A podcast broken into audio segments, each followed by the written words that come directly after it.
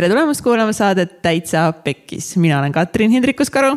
ja mina olen Mihkel Vetemaa. ja meie Täitsa Pekkis saates me räägime erinevate ägedate inimestega nende eludest ja asjadest, mis lähevad pekki. ja miks nad pekki lähevad, kuidas nad pekki lähevad ja siis kuidas sellest kõigest ka võitjana välja tulla. ja. see on trummipõrin, trummipõrin teie peast, trummipõrin teie hingest, sest täna kohal on Mihkel Raud uh,. Buum uh,. Uh, uh, uh oi, ma olin nii närvis lihtsalt, ma olin kaks päeva, poolteist päeva närvis, sellepärast Mihkel Raud tuleb, siis mõtlesin, et äkki ta hakkab siin paugutama või midagi. aga ülisõbralik, ülilahe vend. täiega. ja mm. kes ei tea, et kes on Mihkel Raud. see peaks oma elu ümber mõtlema. ongi nagu siis, tee midagi igatahes, iseenda üle nalja tuli, nii naeran, ma olen nii koomiline. koomiline, kas see on sõna või? ja see on seekord sõna, Mihkel. okei okay. okay,, nii, Raud kumb ütleb? sina. aa, mina, okei okay.. Eh, Raud on sündinud kuuskümmend üheksa Tallinnas. Eh, ja tema vanemad on kirjanikud Aino ja Eno Raud ja kusjuures mõlemad on väga kuulsad Eesti kirjanikud. Eno Raud eriti. eriti lasteraamatud ja värgid, nii et äh, look it up. tal on, tal on kolm last. Kaarel, Mirjam, Joosep. ta on olnud kolm korda abielus. Sirjega, Pärlega ja tänasel päeval on abielus Liinaga ning ta on aastaid elanud Californias, San Diego's, aga täna elab Chicagos, nii et ta elab Ameerikas aga töötab Eestis. jep, käib tööl. Business boomab ja mida ta kõike teinud on, ta on ülipalju teinud, aga ta on nagu avaliku elu tegelane ja ta on kunstnik hingelt, sest ta on laulja, ta on kitarrist, ta on ajakirjanik, ta on kirjanik, ta on poliitikas olnud sotsdemokraatidega, ta oli riigikogus aga väga paljude eestlaste hinged on ilmselt jäänud äh, vanasemast ajast äh, just bändidega nagu Kole, Metallist, Kulo ning kõigi lemmik Singer Vinger. jah, ta mängis Singer Vingeris ja kui sa ei tea, mis on Singer Vinger, siis kohe Taaskord. praegu pausile Youtube'i. taaskord mõtlema elu ümber. ja, ja isegi Lenna bändis, Lenna bändis ka by the way oli mhm. kitarrist mm. -hmm aga ta on olnud ka saatejuht ja võib-olla väga kuulus just äh, Eesti otsib superstaaris on ta olnud äh, žürii liige, ta on kolmeraudses olnud yeah kõik siuksed jutud on ju, buum Eesti muusika karikas, no mida iganes, ta on kõike teinud, ta on teatris olnud, ta on talent. ja, ja, ja ta omab ka ju, kuidas see oligi, rekordit, mis äh.... mingi sajandi rekord, kui ma ei eksi või? et Musta pori näkku, tema esimene raamat Musta pori näkku paari esimese kuuga müüdi enam kui kolmkümmend tuhat eksemplari ja, ja see kolmkümmend tuhat eksemplari vist oli käimasoleva sajandi rekord. et see on väga suur, suur, suur saavutus. see on kirjutan... mega suur, tavaliselt tiraaž trükitakse mingi tuhat, tuhat viissada ja mingi kolm tuhat on siis sa oled nagu ikka nagu supertegija, vend vist kolmkümmend tuhat pluss. tänaseks nagu. vist mingi kolmkümmend seitse tuhat, nii et uh e,. siis on veel tal selline raamat nagu Sinine on sinu taevas ning e, raamat, mida ta ise nimetab oma kõige paremaks raamatuks, on Kus ma olen ja kuidas sina võid palju kaugemale jõuda. ja see raamat oli meil siin e, Musta pori näkku ja see Kus ma olen. Need on meil siin laua peal ka ja me mitu korda ka nendele raamatutele täna viitasime ma unustasin mikrofoni endale näo poole keerata. ja ühesõnaga, nüüd tal tuli ka välja raamat Isa. nii et äh, ühesõnaga, ta jõuab päris palju ja ta on ise öelnud, et äh, peale selle, et ta tegelikult on omajagu edukas ka, tal on väga palju probleeme. ja nende probleemidega minu arvates on Mihkel Raud päris hästi hakkama saanud ja sellest kõigest lähemalt. saab kuulata meie saates ja saame ka teada siis, kuidas hakata ebaõnnestumiste tõeliseks äh, fänniks ja miks kõik ebaõnnestumised on täiega ägedad.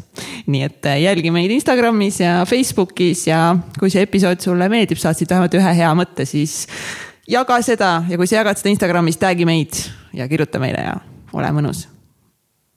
ja ilusat jõuluaega. tere, Mihkel. tere, tere. tere, tere nii tore on kuulda seda raadiohäält, telehäält nüüd enda kõrval, ma olen täiega, okei okay,, ma olen tegelikult veits närvis, ma olen suht palju närvis, ma näpin mikrofoni ja ma ei suuda vatti jääda. Siiamaani läheb kõik väga hästi, nii et ei ole põhjust närveldamiseks. Baby, äh, esiteks kohe ma pean ütlema, mul on siseinfot sinu kohta. nii sa, ma ei tea, kas sa oled raamatutest nendest kirjutanud, ma olen lugenud läbi, ma pean kohe nüüd, ma olen selle läbi lugenud, see oli päris lahe, ma kümme aastat tahtnud lugeda seda. jah, see on musta pori näkku, inimesed, kes ei näe parajasti seda, mida me teeme, ma igaks juhuks seletan. ja, see on, aitäh sulle, see on mingi väike hea tähelepanek. musta pori näkku raamat, see oli meil äh, riiulis mega pikalt ja siis ma see suvi juhuslikult võtsin selle kätte, see oli päris äh, lahe aga ma ei lugenud sealt välja seda kohta, kuidas, kus sa rääkisid, kuidas sa näidendeid korraldanud palju oled? oo jaa, lapsepõlves teatripisik tabas mind, issand, ma ei mäleta, kui vana ma olin või täpsemalt kui noor. aga tõepoolest oli, on minu elus olnud periood, kus ma olen olnud seotud teatriga.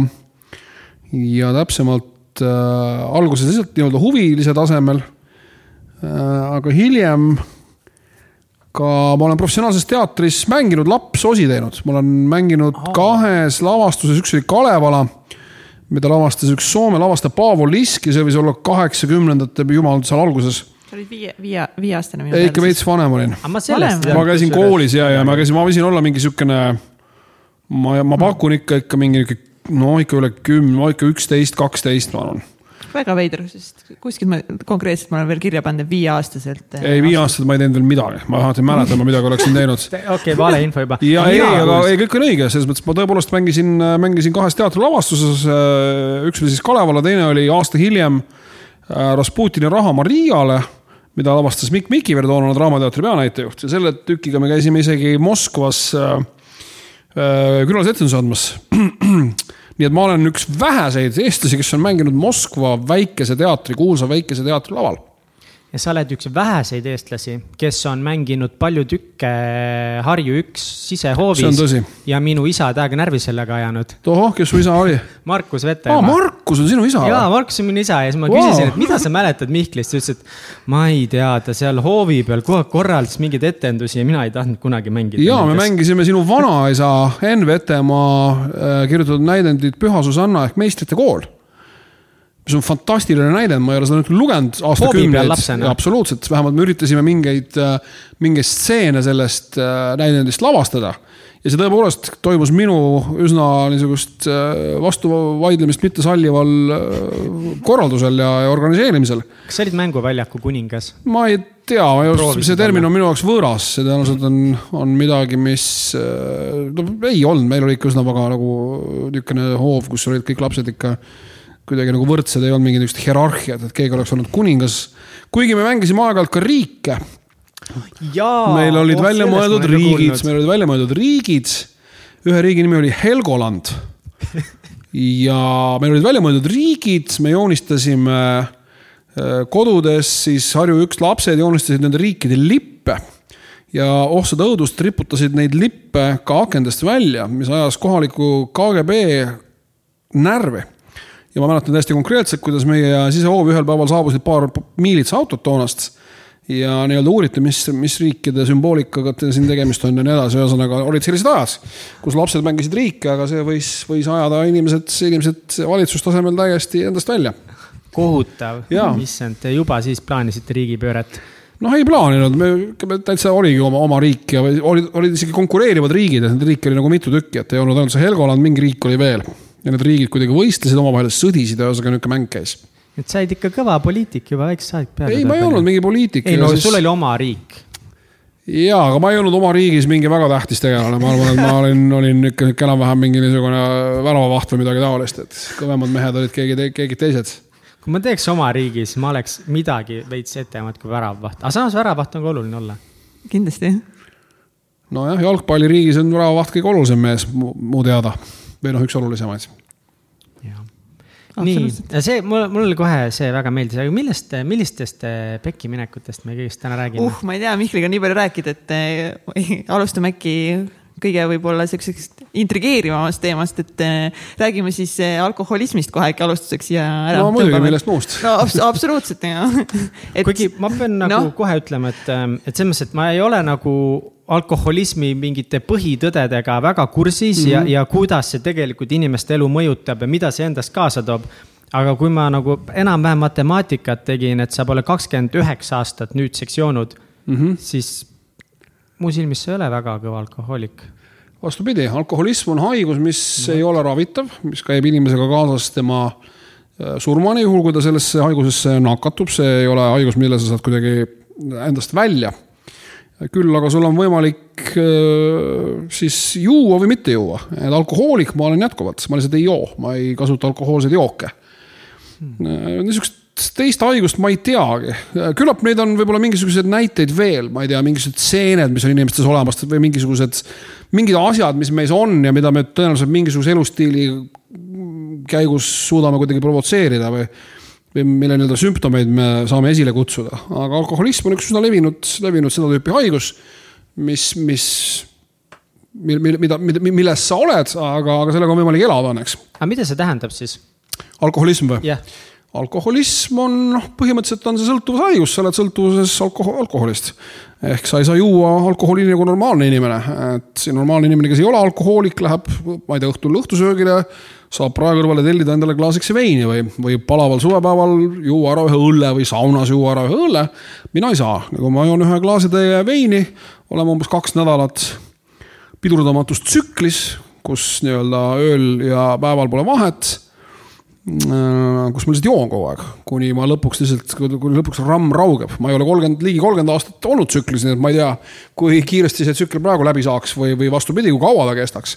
üks levinud teooria on see, et mida pikem on sul see vahe olnud ja kui sa tõesti peaksid uuesti libastuma ja uuesti jooma hakkama, et siis see laks on väga kiire ja väga fataalne. inimesed, inimesed surevad ja väga kiiresti, aga, aga on tulnud sihuke saade, ma ei saa siin ju mingit ilulilu rääkida.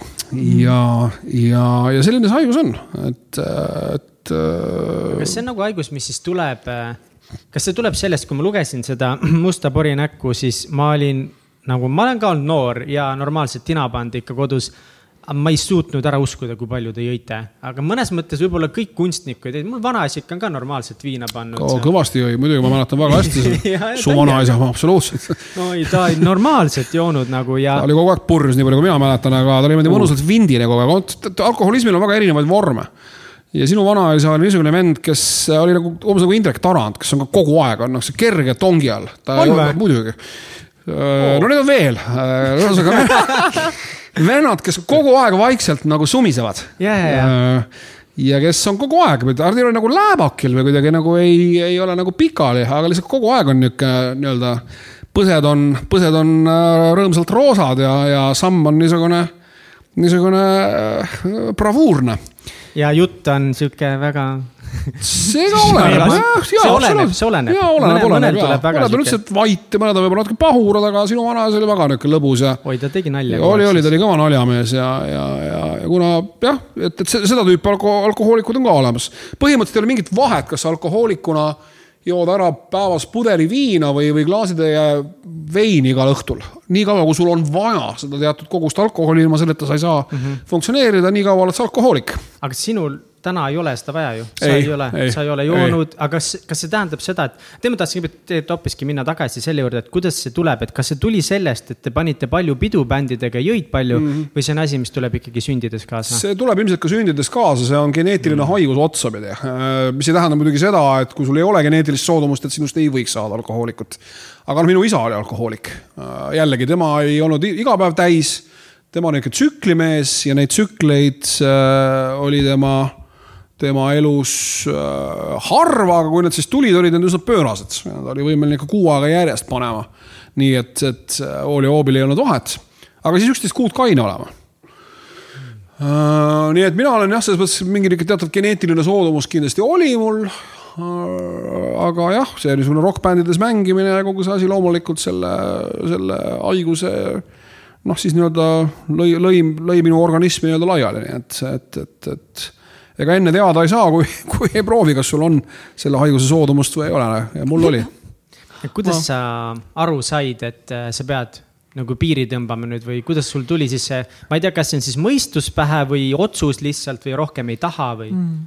See oli ikka niisugune eksistentsiaalne või niisugune teatav surmahirm saabus, et, et ma olin kahekümne ühe aastane, üldse paradoks omamoodi, et ma lõpetasin joomise ära siis, kui ma tohtisin hakata ametlikult toona Nõukogude Liidus või Nõukogude Eestis, Nõukogude Liidus üldse laiemalt oli kakskümmend üks see piir, nüüd vist võib nooremalt juua kaheksateist ja kuigi vist käib jälle mingi uus jutt, et äkki peaks tõstma, aga siis, kui mina olin olin äh, niisugune hilisteismeline või, või niisugune kahekümnendates, siis jah, meil oli, siis oli, oli ka kakskümmend üks see piir.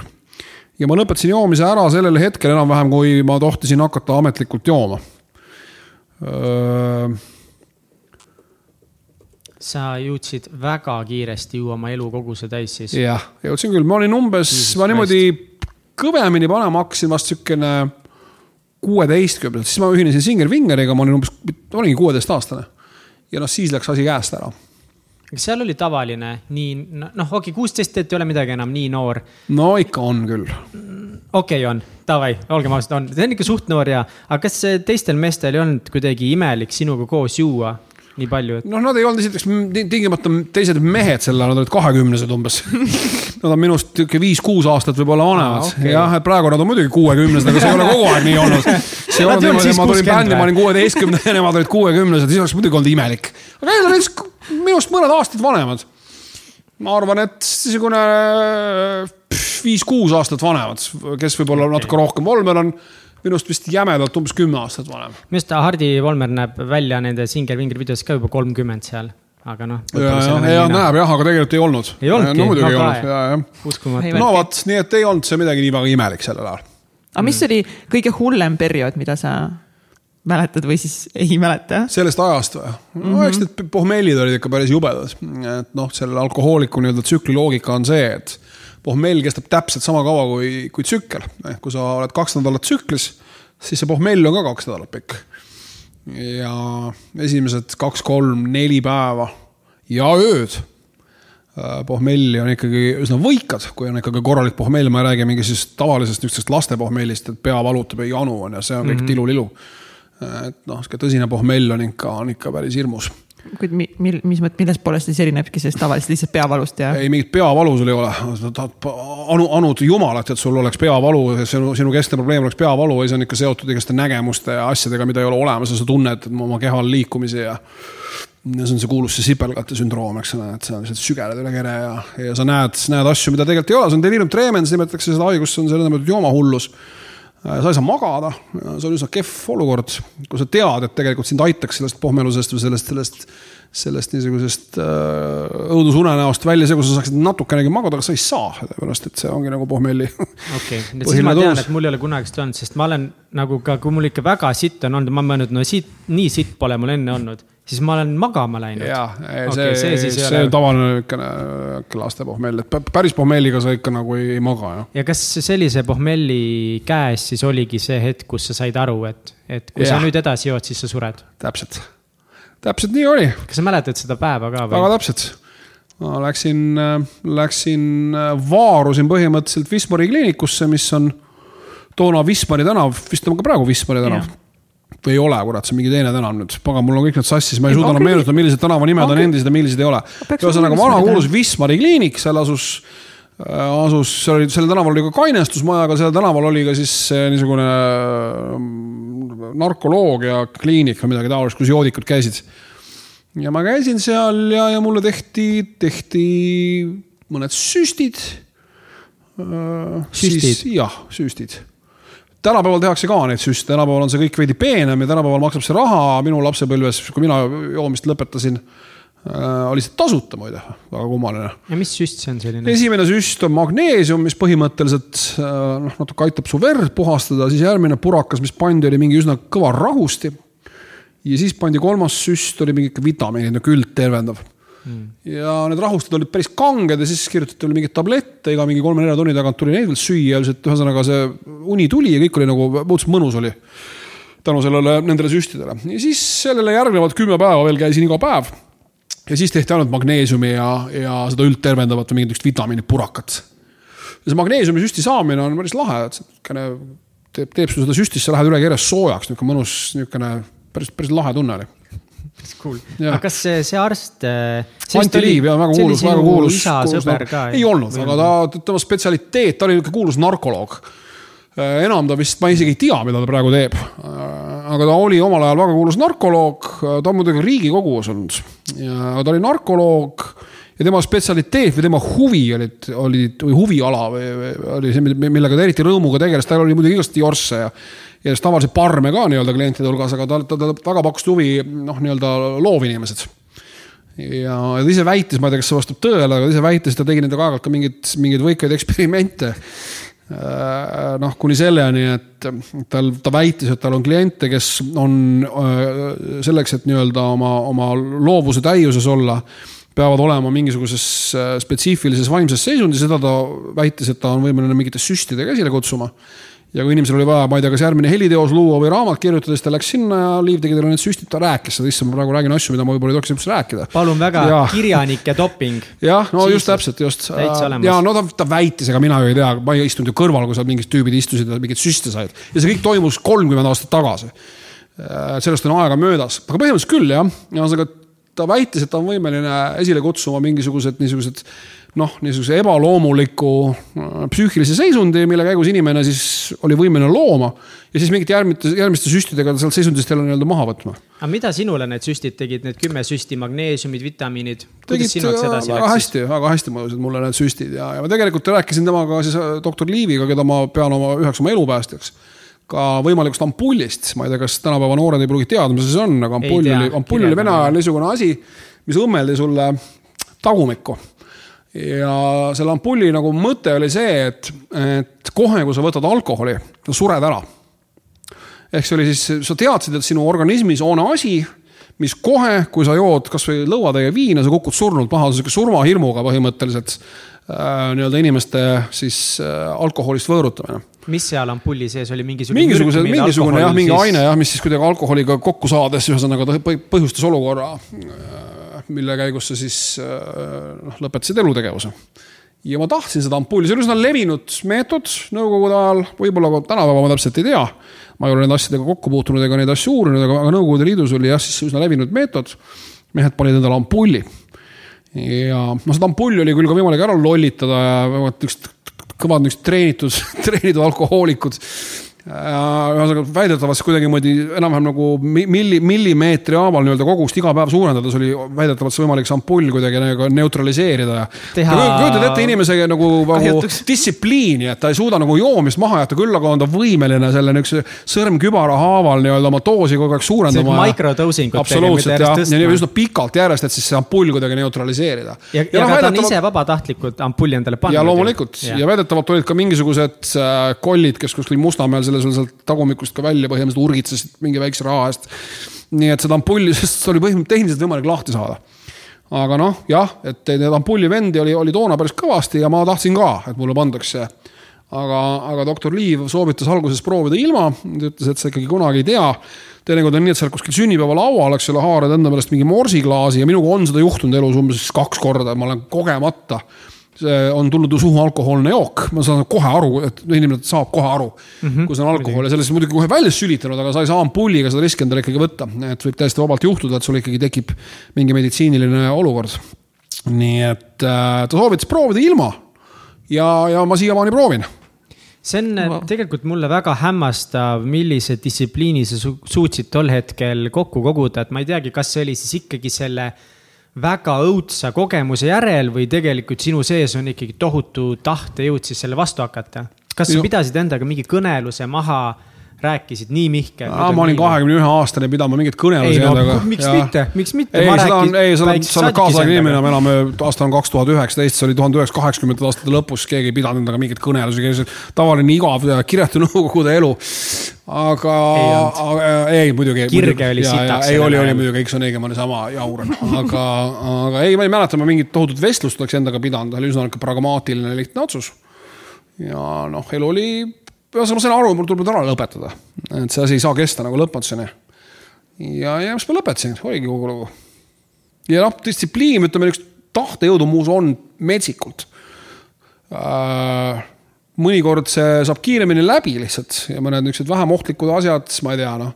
ma olen võimeline noh, ikka väga sundima ennast tegema mingi aja jooksul mingeid asju ei ole mingi probleem, kui ma mingi asja kätte võtan, aga noh, tihtilugu need asjad niimoodi kuidagi aja, aja möödudes nagu noh, lähevad asjad käest ära, noh, dieet on niisugune klassikaline näide, eks ole, ma olen võimeline no, väga, väga hästi alla võtma ja puha ka ikka mingil hetkel, eks ole, kuidagi läheb ja siis on, on jälle teistmoodi. aga miks see erinev on?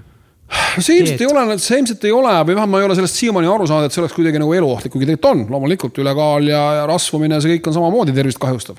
aga noh, alkohol on ikkagi nii palju nagu julmem ja nii palju nagu ohtlikum äh, inimese organismile ja noh, süüa, sööma sa pead, eks ole, alkoholiga sa, sa ei pea jooma viina või, veini või õlut, noh, see on tore või noh, ma ei tea, kui sa, kui sa kannatad ja, ja kui sa oled võimeline jooma ja vein on ju maitsev õlu ka ja noh, viin on ju ka noh, mitte küll maitsev, aga see kaif on ju võimas.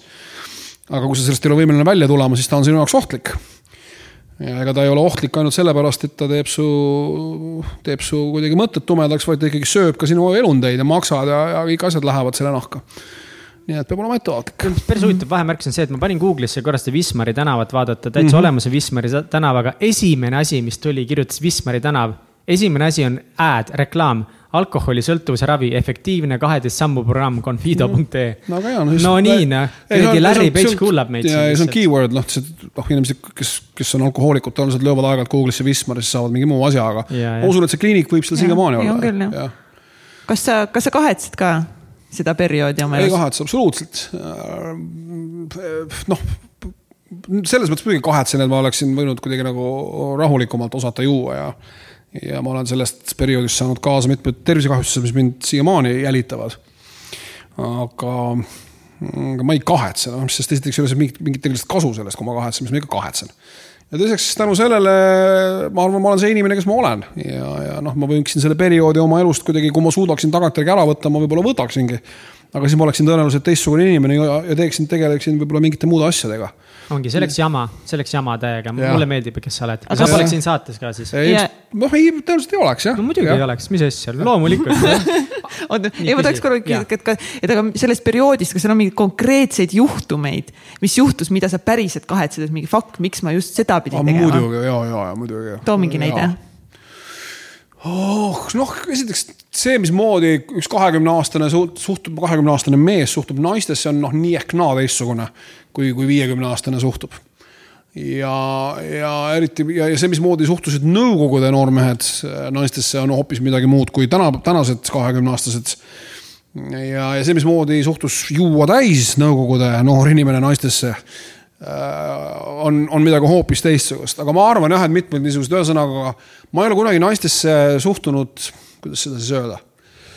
ühesõnaga minu elus on olnud jah, mingeid hetki või momente, kus, kus äh,, kus ma olen, ei ole nii-öelda naise taga näinud inimest, vaid ikkagi ainult siis noh, tõepoolest siis. Ähm, objekti. jah, ja, ja need on asjad, mida ma, mida ma muidugi noh, tagantjärele on väga piinlik, et, et nendest asjad juhtus, ma ei ole kedagi ma, ma ei ole sooritanud seksuaalkuritegu või midagi taolist.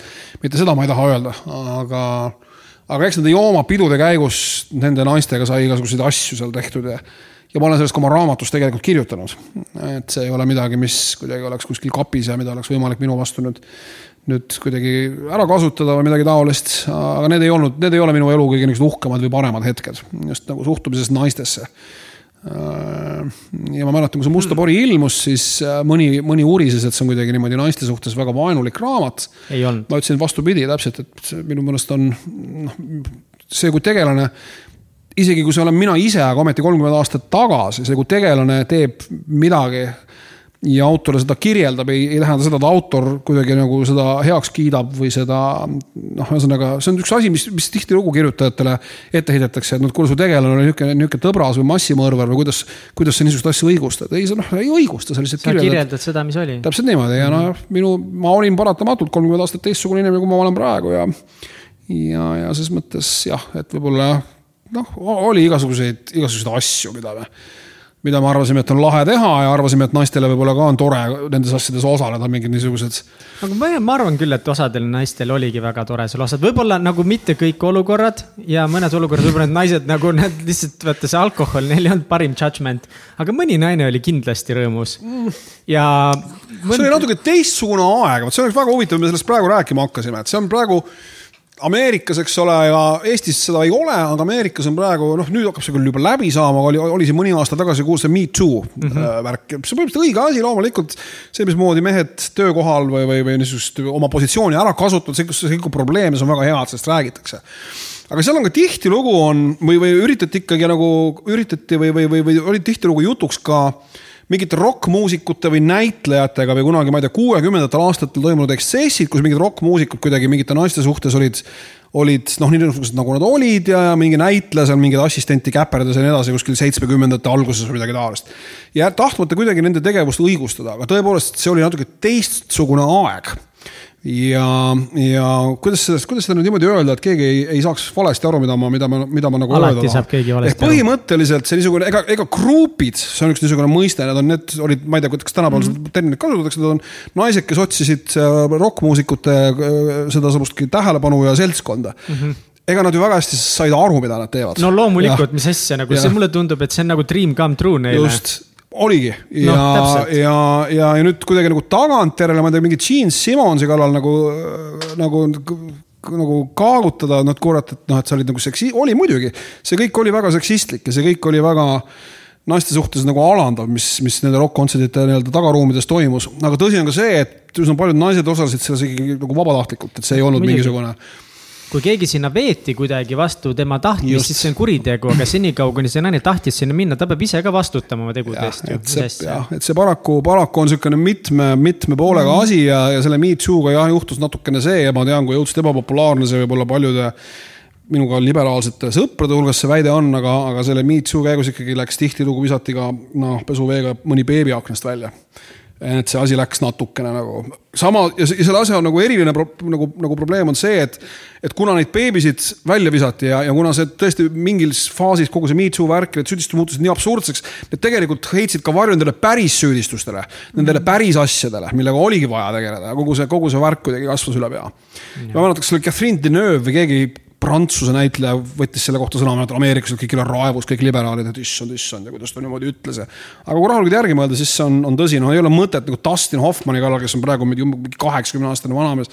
ma mäletan, John Oliver ründas teda jõle hästi nagu süst, süsteemselt selle eest, mida ta kuskil kuuekümne üheksandal aastal võtteplatsil noh, come on, et noh, et sa, sa ei olnud seal esiteks, keegi ei olnud. seda on väga ja, raske juba ja, tõestada, mis seal täpselt no, juhtus, et see on nagu veits keeruline. aga tulles tagasi sinu juurde, kuidas sa suhtud äh, oma laste tulevikku, nendel on varsti see aeg ees, kus nad lähevad esimest korda välja, nad proovivad esimest korda viina ja õlut. kas sa oled rohkem mures selle pärast, teades no., kuidas see sulle mõjus?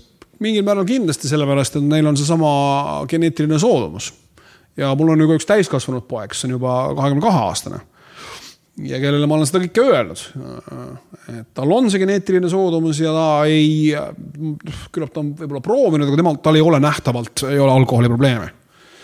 mis muidugi ei tähenda seda, et see ei või ühel hetkel saabuda, aga praegu tal seda ei ole ja, ja ma väga loodan, et minu väikeste lastega läheb sama hästi, aga selle eest niimoodi kaitsta inimest on väga keeruline, nii nagu öeldakse, no kuidas alkohoolikud aidata või kuidas, sa ei saagi, et see, see otsus või see niisugune kannapööre või kogu see asi peab tulema, peab tulema su enda seest, et see on, see on see koht, kus see, kus see muutus algab ja, ja, ja ega väljaspoolt keegi ei saagi midagi ette võtta. nii karm ongi või? absoluutselt. see on suht sitt värk, sest väga, väga. paljudes asjades sa saad kedagi teist aidata ja see võib muuta ta elu.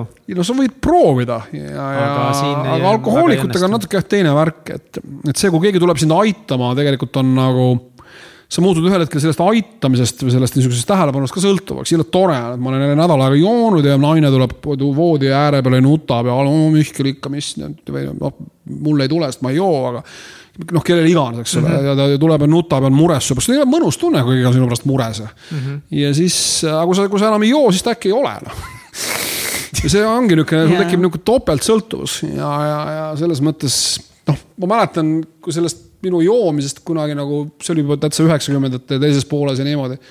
kui ma sellest ka juba nagu esimest korda rääkima hakkasin enne selle raamatu ilmumist oluliselt, siis mingid emad ka tõid oma poegi minu juurde, noh, et räägi Mihkel nendega ja ja ma rääkisin ja ikka ei, ei midagi ja, ja, ja ei juhtunud ja, ja emad ikka helistavad mulle teinekord öösel, issand Mihkel, jälle ta on tsüklis ja jälle ja.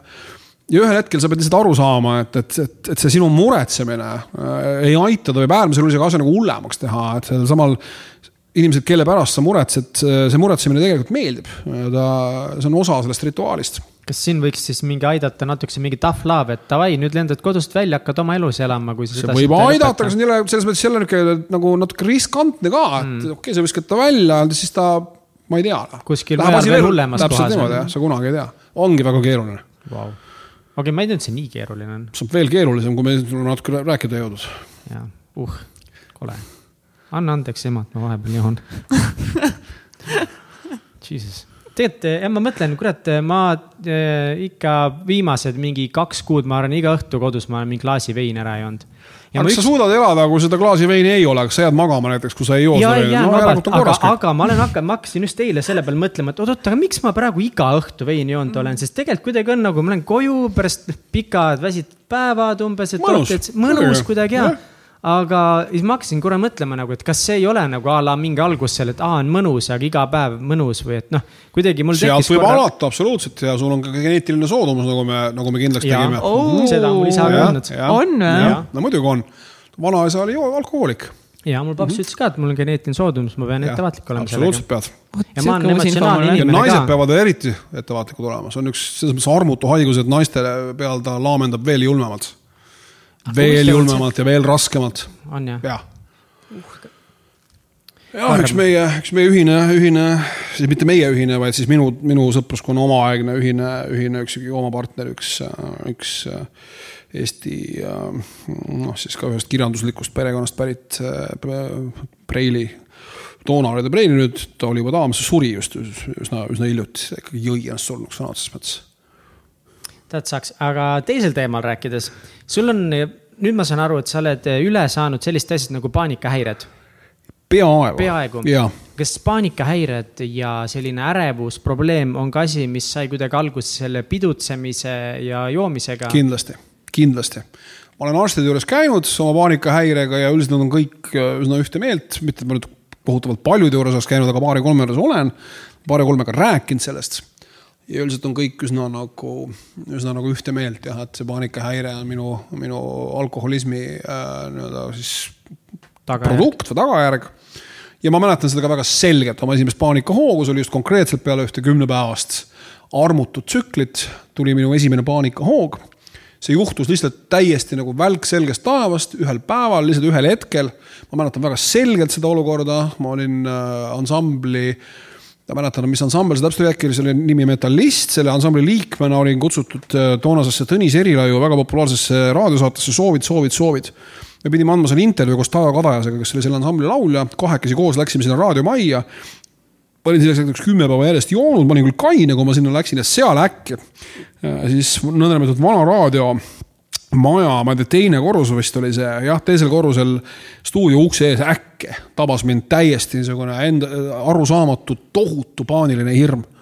ja ma lihtsalt jooksin minema, ma lihtsalt jooksin minema ja ma jooksin koju, kus ma siis olin äh, ilma liialdamata, ma mäletan seda nagu oleks olnud see eile juhtunud. see on ka võib-olla üks asi, mis on mulle aidanud nagu alkoholist eemal olla ma olin äh, reaalselt ikka mitu nädalat järjest magamata ja ma lihtsalt ei saanud olla, see oli, see oli kohutav, ma mõtlesin, et see nüüd jääbki nii.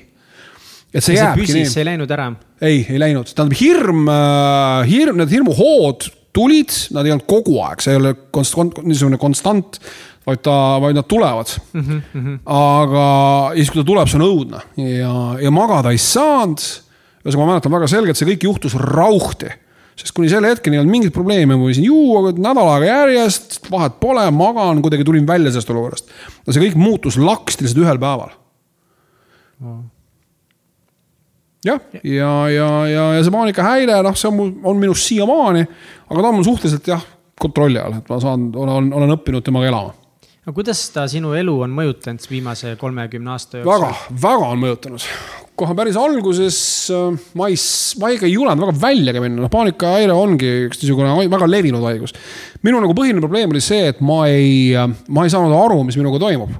see oli ikkagi tuhande üheksasaja üheksakümnes aasta sellised, sellist asja nagu mingi anxiety disorder või kõiki neid termineid Eestis ei tuntud.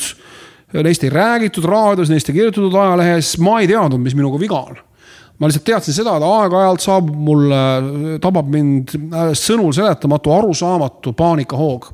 täiesti abstraktne, jumal teab, millest põhjustatud äh, niisugune noh, välja kannatamatult jõle ja jälk niisugune hirmuhoog.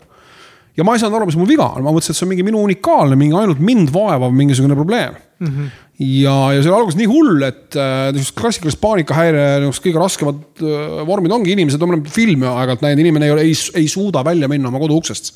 tal on niisugune hirm. ja mul noh, päris noh, nii ei olnud, eks ma ikka sain välja mindud, aga see oli, aga see oli paras katsumus äh,. ma ei julenud tänaval kõndida, ma kartsin, et ma äkki suren ära, ma, kas, kas mul on kuskilt kinni haarata, kui ma kokku hakkan kukkuma ja nii edasi. see oli alguses niimoodi, see kuidagi nagu noh, aja jooksul muutus nagu, muutus nagu paremaks ja, ja, ja algus oli ka see, et, et kui mul see paanikahoog saabus, siis üks asi, mis ta kindlasti kohe maha võttis, oli alkohol. et äh, ma teadsin, et kohe, kui ma saan lõuatäie viina, see läheb ära, ära see hoog. ja, ja, ja alguses ma lolli peaga hakkasingi neid paanikahooge lihtsalt järgmise alkoholikogusega lahendama kuni, kuni, kuni lõpuks siis asi jah, läks nii kaugele, kus ma lõpetasin joomise ära.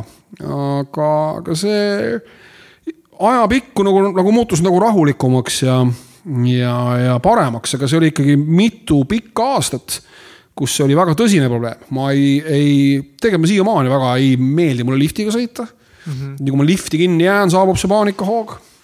niisugune klaustrofoobne efekt mulle meeldib küll lennukiga sõita, aga lennuk on teine niisugune koht, kus, kus see paanikahoog võib sattuda, saabuda. see on põnev paradoks äh, selle lause juurde, mida sa ütlesid Katsile, et äh, sa elad Ameerikas ja töötad Tallinnas. jah ja samal ajal sulle ei meeldi lennukid. mulle meeldib tegelikult lennata, lennamine on lahe asi, aga mulle ei meeldi see, et seal mul võib tekkida paanikahoog mm. -hmm.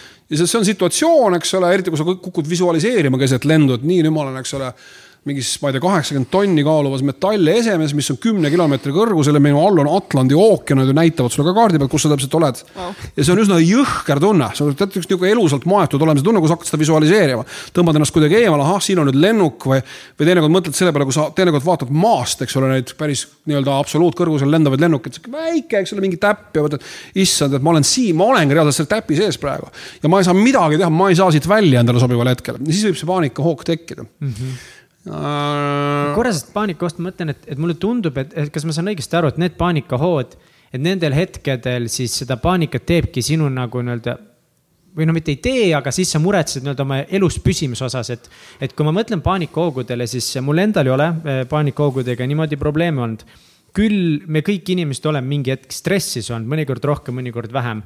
kui ma tegin kunagi võrkturundust ja minu see asi kõik perse läks mm. ja kõik kokku kukkus, ja siis mul olid mingi üürid, asjad maksmata.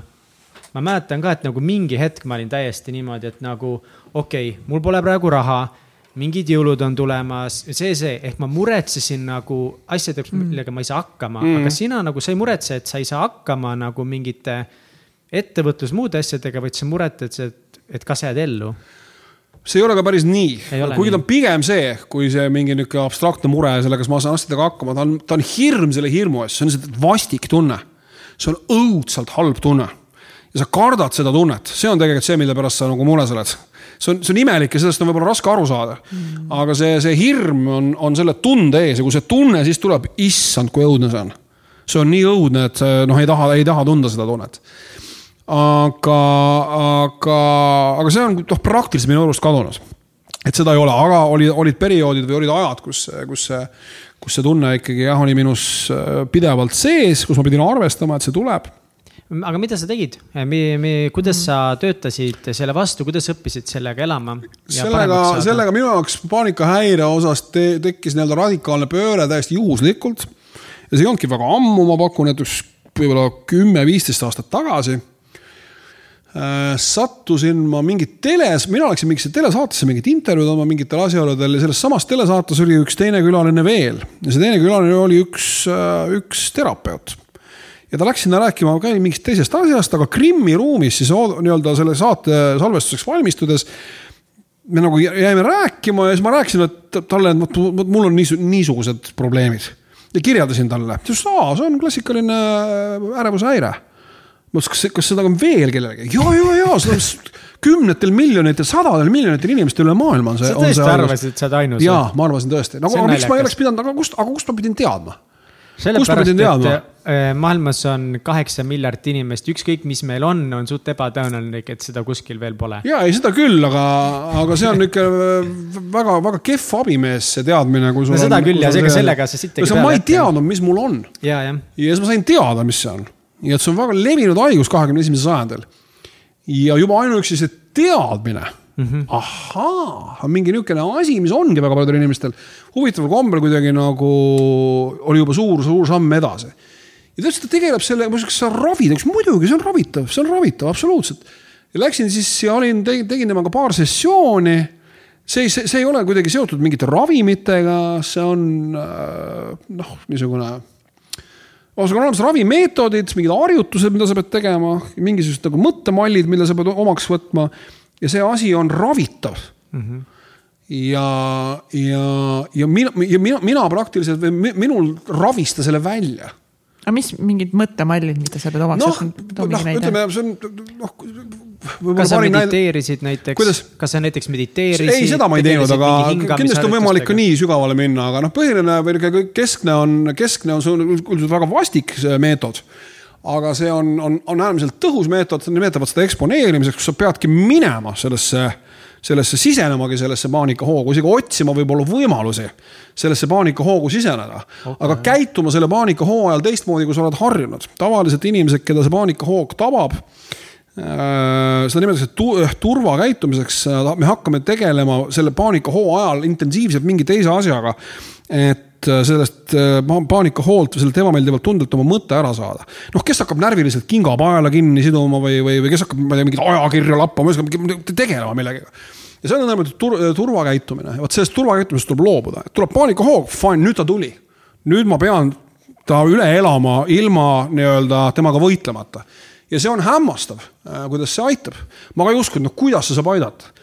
ja, ja oligi, lähedki lennukisse ja tulebki see hoog ja, ja lihtsalt elad selle, selle asjaga ja see aitab, see on täiesti uskumatu see kõlab natuke see, nagu mõned meditatsiooni äh, sellised harjutused samamoodi, et, et kas ma saan aru, et, et sa mõnes mõttes, sa lepid selle olukorraga, kas sa kuidagi nagu proovid seda eemalt vaadata, et, et mida sa praegu koged? jah, põhimõtteliselt pigem..., põhimõtteliselt küll jah, jah mm. -hmm. ja kui sa saad aru, et see tegelikult on täiesti ohutu asi, siis mingil veidral kombel ja, ja, ja terapeudid ja õppinud äh, arstid oskavad seda paremini seletada kui mina.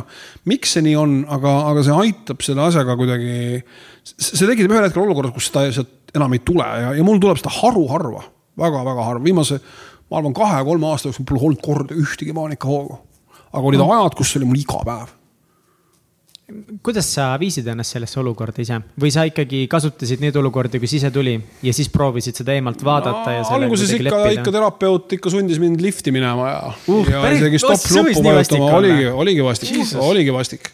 Ja stopp nuppu vajutama. ongi rõve, noh, see on kõige hullem asi, mis saab juhtuda. mul ei ole paanikat, aga ma ei taha ka liftis stopp nuppu vajutada. kes see tahab liftis stopp nuppu vajutada, mitte keegi. aga, aga see töötas, jah. Jesus, kurat, tough love uh,. jah. kurat aga mis sa kõige, mis sa kõige rohkem õppisid selle paanika või ärevushäirega hakkama saamisest? või selle nii-öelda seljatamisest isegi? eh, ega ma muud väga ei õppinud, kui see, et, et väga-väga raskest olukorrast on võimalik lahti saada või sellega on võimalik tegeleda, kui sa otsid abi.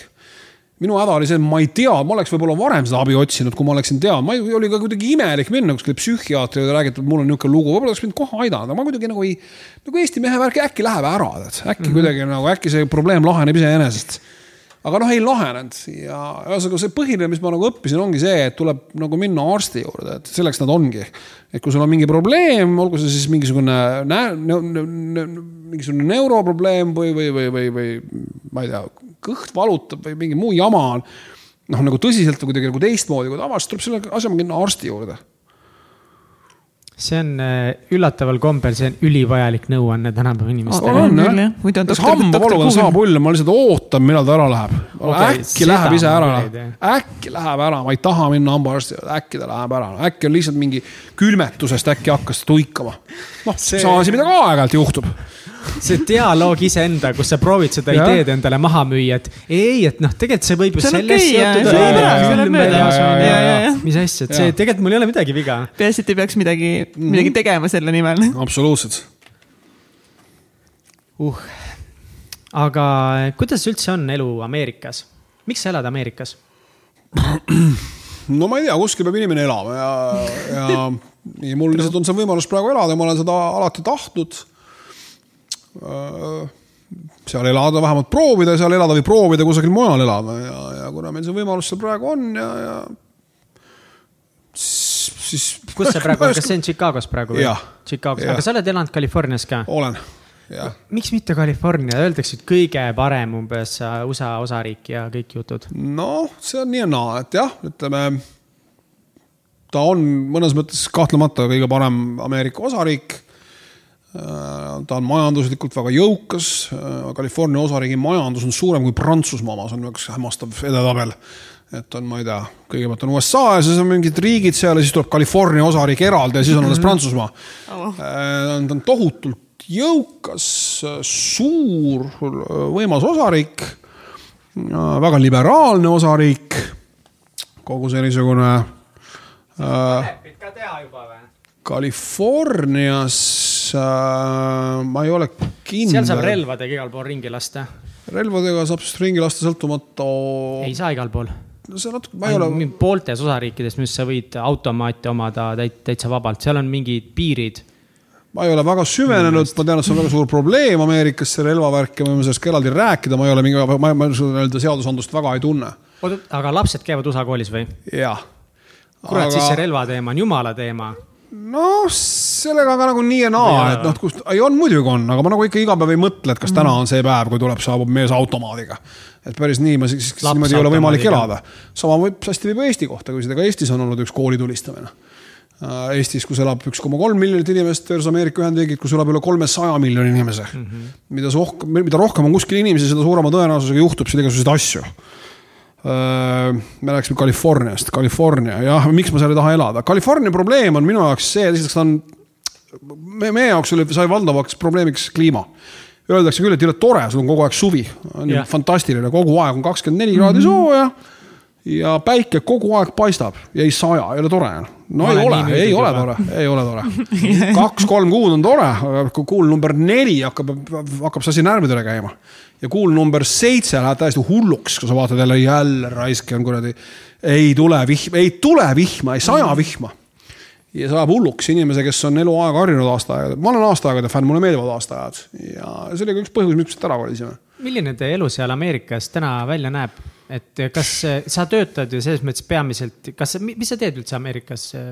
ma teen tööd, minu põhiline töö on, on sisuloome, mul on terve hulk kliente, need on küll Eestis kõik, need kliendid, aga tänapäeval on teatavasti võimalik ükskõik kus sellist tööd teha mm. -hmm. ei pea selleks iga päev kuskil kohapeal peal viibima. et minu töö põhimõtteliselt ma olen võimeline oma tööd tegema ükskõik kus, kus on isegi alati ei pea internetiühendust olema, aga noh, ideaalis võiks olla kirjutad siis äh, artikleid? jaa, äh, igasugust sisu loon mm -hmm., alates artiklitest kuni mingisuguste uudiskirjade ja ühesõnaga neid, neid, erinevaid vorme, milles ma sisu loon, on väga erinevaid. kirjutad, kirjutad. kirjutan, just mhm. täpselt mm. -hmm sa, aga sa alustasid selle tööga nüüd hiljuti, ma, ma nägin sinust ühte jah. videot, kus sa olid seal silla peal ja rääkisid, et ja, mis te arvate, kas Mihkel on täitsa lolliks läinud? sellest on mõned aastad möödas, kui ma selle, selle suunaga tööle hakkasin ja mul on nagu tänaseks nagu on see täitsa hästi nagu käima jooksnud, nii et see on see töö, mida ma, mida ma teen, aga muidu näeb päev välja nii, nagu ta näeb inimestel välja igal pool. noh, läänes või kaasa arvatud Eestis, inimesed ärkavad üles ja söövad hommikust ja siis hakkavad tegelema oma asjadega, lapsed lähevad kooli ja ja sina teed omi asju ja naine teeb omi asju ja siis õhtul saadakse jälle kokku ja tehakse midagi koos ja noh, see ei ole kuidagi väga teistmoodi, kui see on äh, võib-olla, tegelikult see on nagu lahe, tänapäeval saabki nii palju igal pool ringi käia, aga et kui palju sa Eestis käid, siis jumala hea, et me tabasime sind praegu Eestist niimoodi. Äh, mõnikord käin tihedamalt, mõnikord vähem, nüüd mul oli pikem niisugune pea pooleaastane periood, kus ma üldse ei käinud. aga nüüd jälle olen praegu siin, lähen kohe tagasi, siis tulen aastavahetuseks jälle siia nädalaks ajaks, siis lähen jälle tagasi. mul on neid tulemisi praegu kahekümne, kahekümnendal aastal, kahekümnendad aastad hakkavad muide, kas te olete mõelnud selle peale? Ja üliveider. jah, kahekümnendad, lõpuks ometi saab öelda, kahekümnendad, ah? ma saan kolmkümmend järgmine aasta. noh, need hakkavad kahekümnendad aastad, vaata kui praegu räägid kahekümnendatest aastatest, siis sa mõtled tuhande üheksasaja kahekümnendad, eks ole mm. -hmm. aga nüüd meil hakkavad esimest korda, noh ei öelda kümnendad, vist ei öelda, aga nüüd on kahekümnenda esimene kord, kui me saame öelda nagu. kaks tuhat kakskümmend täiesti tulevikuaasta, see on nagu see aasta, kus ja. meil ongi, me inimesed lendavad ja mingi ajus ja, on kiip, okei okay,, ajus jah. ongi täna kiibid juba, Elon Musk paneb mingit kiipe aiu, täitsa uskumatu juhtmeid ja värke ja nagu tulevik on käes no,. aga kas sa mõtled sellele palju, et juba on kaks tuhat kakskümmend ja endal juba vanust natukese, kui vana sa täpselt oled? viiskümmend, viiskümmend ja ma saan viiskümmend üks nüüd jaanuaris. kuuskümmend üheksa sündinud? jah, viiskümmend üks sa oled, sa kirjutasid oma selles ähm, teises raamatus, ma ei saa nüüd öelda vaata selles, näed, vaadake, näete küll ju, see, kus ma olen ja kuidas sina võid palju kaugemale jõuda. sa tõid seal näite aja ja rahaga mm., et iga päev on nagu justkui üks euro mm. ja neid on samamoodi on tehtud sekundid, on rahad, et kui palju sul sekundid raha on. aga mis hetkel sa hakkasid ajast nagu rohkem mõtlema? Jumal hoidku, ma ega ma ei teagi, kas oligi mingi niisugune aeg, kui ma hakkasin ajast rohkem mõtlema, aga no ikka, mida vanemaks sa saad, seda rohkem hakkad sa oma niisugust surelikkust. noh, ma ei mõtle iga päev selle peale, et ma nüüd suren ära kunagi. aga no me tõesti tõenäoliselt, mitte tõenäoliselt, me päris kindlasti kõik sureme kunagi ära ja, ja mingil hetkel muidugi jah, hakkad nagu mida, mida, mida lähemale see noh, vähemalt nii-öelda potentsiaalselt see päev tuleb, seda rohkem sa selle peale mõtled aga noh, need ei ole ilmselt tingimata alati nagu hirmsad mõtted, aga siis tekib kuidagi nagu see tunne, et noh, et ma olen viiskümmend aastat olnud ja mis ma selle viiekümne aasta jooksul teinud olen ja. äkki on veel mingeid asju, mida ma, mida ma võiksin teha ja mis need, ühesõnaga kuidagi nagu hakkad võib-olla natuke rohkem üritama mõtestada seda tegemist või seda rahmeldamist, millega sa, millega sa tegeled. ja, ja, ja noh, nii ta on jah, et, et aeg läheb, aga noh, kui hästi läheb, siis mingi kolm-nelikümmend aastat äkki on veel, nii et see ei olegi väga lühike aeg no sa oled jõukas härrasmees, meditsiin, tulevikuravimid, ma pakun sada kümme ei ole liiga crazy nagu normaalselt. ma ja, usun ei, ma täiega nanotehnoloogiasse. saja kümne ikka välistanud ilmselt seal selle nelja-viie aastaga, kui ma juua täis olin, ma arvan, sada kümmet ei tule siit küll kusagilt. ei, me, ma mitmes episoodis räägin, nanotehnoloogia, me asendame su rakud ära lihtsalt. nojah, see kõik võib, see kõik võib juhtuda absoluutselt, ma ei tea, kas ma, kas ma, kas ma olen valmis seda kõike tegema, aga, aga ilmselt jah, teadus on, teadus on imeline kuidas sa hindad oma viimast viitekümmet aastat? kas sa nüüd teed endale, oled sa teinud mingi suure ülevaate ka, et äh, poolsada on möödas? ei ole teinud niisugust, tohutut ülevaadet, aeg-ajalt mõtlen ikka mingisuguste etappide peale, mõnikord mõtlen selle peale, mis minuga juhtus, ma ei tea, eelmisel aastal ja mõnikord mõtlen selle peale, mis minuga juhtus siis, kui ma olin kümneaastane. ja mõnikord mõtlen mingi teise perioodi peale ja mis on asjad, mis on sinuga juhtunud viimase kümne aasta jooksul, mis on sinu jaoks väga olulised olnud, et, et tegelikult mm. võib-olla, kui me nagu ka sinu kohta lugesime, uurisime väga palju me oleme rääkinud just omavahel Katsiga sinust sellest perioodist, kui sa alkoholismiga võitlesid mm., kui paanikahäired välja lõid, aga sa oled nii palju muud teinud viimase kümne, kahekümne aasta jooksul ka, mis on sinu jaoks need kõige suuremad äh, nagu, ma ei tea, kas highlights'id, kuidas eesti keeles öeldakse, no highlights'id, noh, sa oled ameeriklane tipphetked. sa räägid inglise keelt. jah ma ei tea, no eks last, laste sünnid on kahtlemata, see on jällegi niisugune asi, mis teisi inimesi väga ei puuduta, aga sind ikka puudutab. et, et, et noh, laste sünnid on niisugune tähtis, tähtis, tähtis hetk. noh, mingid suuremad projektid, eks iga raamat, mille ma olen kirjutanud, kus on valmis saanud ja kui ta ilmub, eks see on oluline hetk aga jällegi sellega on samamoodi, mida rohkem neid sul juba on, seda kuidagi vähem oluline tundub järgmine olevat või ma ei oska öelda, et kuidagi juba on ka esimene võib-olla oli nagu selles mõttes kõige suurem ja kõige olulisem. noh, ma ei oskagi öelda, ma olen nagu kuidagi ka oma, oma, oma elu nagu, selle kohta nüüd öelda. Mingid eesmärgid võib-olla ka natukene ringi mõelnud, et, et niisugused enda suured tegemised on mul juba tänaseks nagu tehtud ja minu eesmärk võib-olla seista hea ja hoolitseda selle eest, et minu pereliikmetel oleks võimalik neid tegusid teha, mida, mida nemad on, on loodud tegema. ja, ja, ja veenduma, et see neil võimalikult hästi õnnestuks ja et see pinnas ja see, see niisugune keskkond, kus nad sellisteks inimesteks võiksid areneda noh, et see oleks võimalikult, ma ei, ma ei taha öelda nagu valutu, sest mingi, mingisugune teatav valu peab ikka kasvamises arengus ka olema aga noh, et vähemalt, et oleks, oleks neil võimalik teha neid asju, mida nad võib-olla tahavad teha. mis sa arvad, mida sa teed isana hästi? võib-olla, võib-olla see ongi, et ma olen aru saanud, et minu funktsioon ongi nagu noh, lastele, perele luua noh, võimalikult head tingimused selleks, et nad saaksid oma, oma mingeid andeid ja kirgi noh, endas arendada. et väga paljud inimesed ka täiskasvanuna nii-öelda, ma ei taha öelda perepeana, aga noh, siis ühe, ühena lapsevanematest võib-olla nagu noh, ikka nagu ma ei tea, see niisugune teatav enesekesksus jääb alles, et ikka sa mõtled, ei, ma pean veel tegema seda ja ma pean veel tegema seda ja ma pean veel tegema seda, ma olen sellega rahu teinud ma ei pea enam midagi tegema. tegelikult või mm.? jah Mihkel Raud on oma egoga rahu teinud või? absoluutselt. kas päriselt? ja, mul ei ole, ma teen oma asju, noh, minu õnn on võib-olla natuke see, et, et see noh, need vahendid, millega ma saan oma pereliikmetele selle niisuguse hea kasvukeskkonna tekitada, noh, paratamatult toovad mu jälle nii-öelda mõnes mõttes nii-öelda orbiidile või pildile, nagu tänapäeval öeldakse. minu töö on lihtsalt paratamatu selline, paratamatult selline et, et oma, oma perele nii-öelda igapäevast leiba lauale teenides ma lihtsalt noh, paratamatult ka noh, noh, need, need asjad, millega ma tegelen, ongi üsna nagu ambitsioonikad. võib-olla mõne inimese jaoks. aga, aga ma teen neid teisel, teisel põhjusel ja teistel eesmärkidel mm,. see on üllas, sest tegelikult saavutamine on väga seksikas, just iseenda jaoks see on kuidagi väga jaa, aga te seksikas. olete nii noored, teil on see kõik vajalik, aga ühel hetkel nagu ei, ei paku see enam mingit erilist pinget, see, see.... et kõik on juba tehtud ja juba nähtud jah? jah, mis see siin ikka noh aga ongi tegelikult, nüüd ma tahan seda hoopis No küsida nii. mul tuli, hakkasin mõtlema, et sa oled äh, teinud saateid, juhtinud saateid. ka nagu, miks sa neid asju teinud oled, et kas need on olnud sinu jaoks lihtsalt, et sa oled neid, need on, pakuvad inimestele mingit väärtust. sina saad ennast seal kuidagi hästi rakendada või mis on põhjused, nii miks seda sa kui teed teist, nii seda asju? kui teist. Et esiteks, esiteks mulle meeldib neid asju teha, mida ma teen, teiseks ma loodan tõesti, et noh.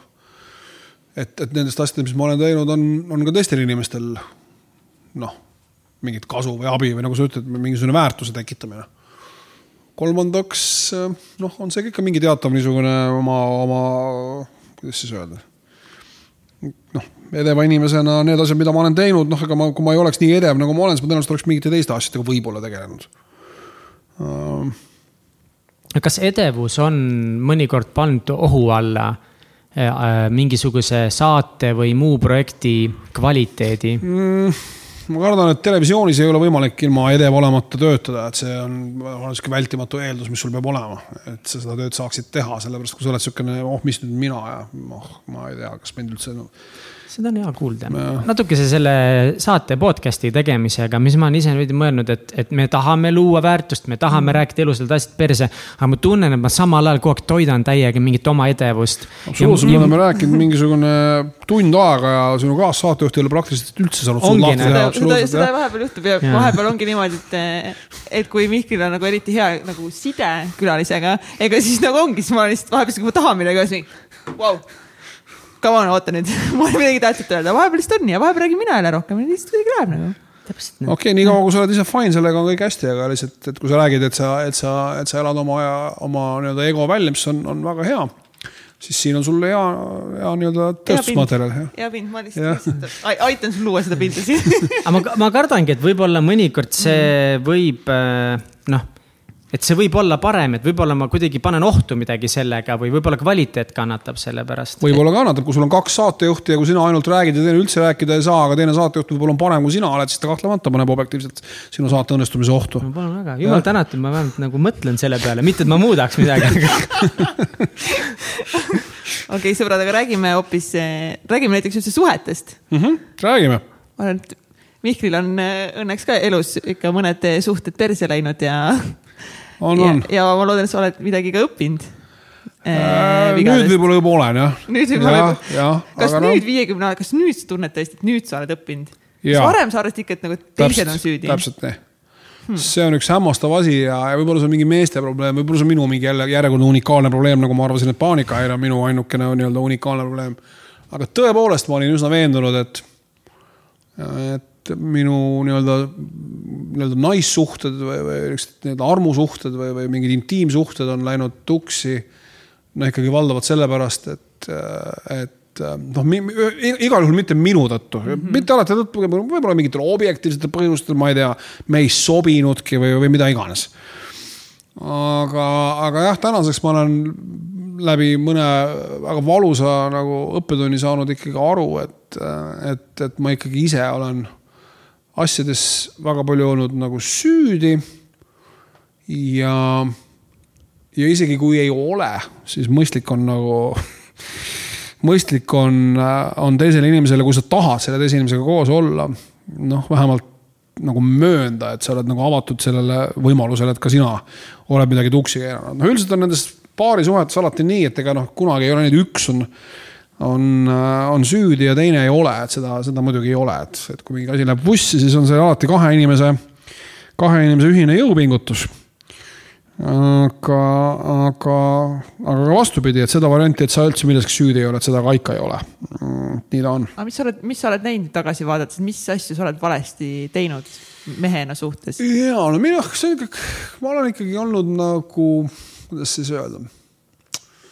noh, eks see on ilmselt ka sellest nagu suuresti kinni, et mis ajast ma olen pärit, ma olen ikkagi sündinud tuhande üheksasaja kuuekümne üheksandal aastal, eks ole, Brežnev oli võimul ma ei taha Brežnevi kaela nüüd kõiki oma probleeme kuidagi ajada, aga lihtsalt, lihtsalt see see niisugune ettekujutus inimsuhetest ja üleüldse mingisugusest niisugusest ühiskondlikust olemisest, koos olemisest.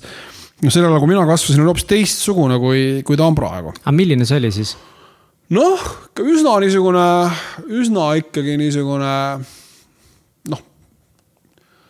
noh nagu ta ka praegu tegelikult on, aga, aga õnneks järjest vähem, et ikkagi mees on ikka kurat pere pea ja mees teeb ja naine kurat umbes on, noh naise funktsioon on vaadata, et kodu oleks korras ja ja naised peavad kuradi lapsi kasvatama ja mees peab saama teha mees on see, kes ühesõnaga, mees on see, kellel on ka elu väljaspool kodu.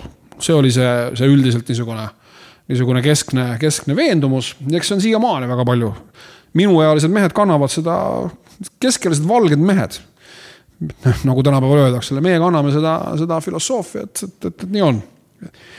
aga, aga, aga tegelikult see ei ole nii, et, et ka naisel on täpselt samasugused unistused ja, ja see, et ta on ema või, või, või, või see, et tal on lapsed või või see, et tal on mingid kodused ülesanded, ei tähenda seda, et tal ei, ei oleks unistusi või et tal ei oleks mingit eneseteostuse äh, vajadust. ja vot see on jah, paraku niisugune asi, millest minusugused mehed või minu vanused mehed saavad võib-olla kehvemini aru kui nooremad mehed. Äh, me saame küll aru justkui nagu mingid, muidugi ja loomulikult, eks ole, muidugi sul on unistused, aga ole hea, nüüd mine vaata, laps karjub, eks ole. et sa nagu kuidagi nagu ise ei, ei ole valmis nagu kuidas siis öelda, nii-öelda kätt külge lööma või, ühesõnaga see on siukene, teatav niisugune peredünaamiline probleem et kas see on siis see, et pigem mehed tunnevadki, et, et sina tegid ju oma töö ära päeval tööl olles? no vähe sellest, ma muudkui käin tööl ja toon, tassin pappi koju, eks ole, mis sa arvad, mille eest sa siin kuradi, eks ole, neid kuradi lutte ja asju ostad, et. et okei okay,, okei okay,, no teeme siis niimoodi, ma ajan siis koju, no vaatame, kuidas siis, kuidas siis on, eks ole, see on see, see niisugune loogika ja. ja see niisugune mõttemall, eks ole tegelikult on võimalik mõlemat teha, on võimalik käia, käia tööl ja, ja teenida raha ja on võimalik olla ka, olla ka perekonnale sellisel natukenegi toeks muidugi sa ei saa olla seal sada protsenti kogu aeg kohal. sina tahtsid siis ka, et sinu naised oleksid kodus, oleksid kodu pereemad ja sina saaksid oma elu elada väljaspool? isegi mitte niivõrd väljaspool, ma ei ole kunagi olnud mingi niisugune peoloom, ma ei ole niisugune tüüp, kes, kes läheb õhtul mingite sõpradega kuskile diskole ja jätab naise lastega koju, seda mitte.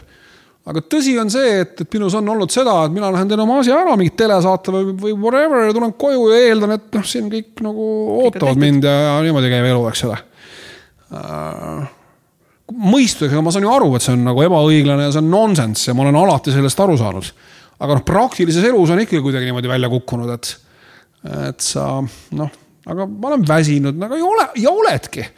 aga, aga midagi ei ole teha, noh, selles mõttes, et kui see asi on, kui see ei ole asi, ei ole sulle jõukohane perepidamine, siis, siis, siis ära pea et, et inimesed, mina olen muidugi niisugune ka väga kiiresti niisugune suhtesse, ma lähen kohe väga nagu all in, et et mul ei ole nagu üldse mingit küsimust, see on järjekordne niisugune vanakooli mehe või niisuguse kuuekümne üheksandal aastal sündinud mehe probleem.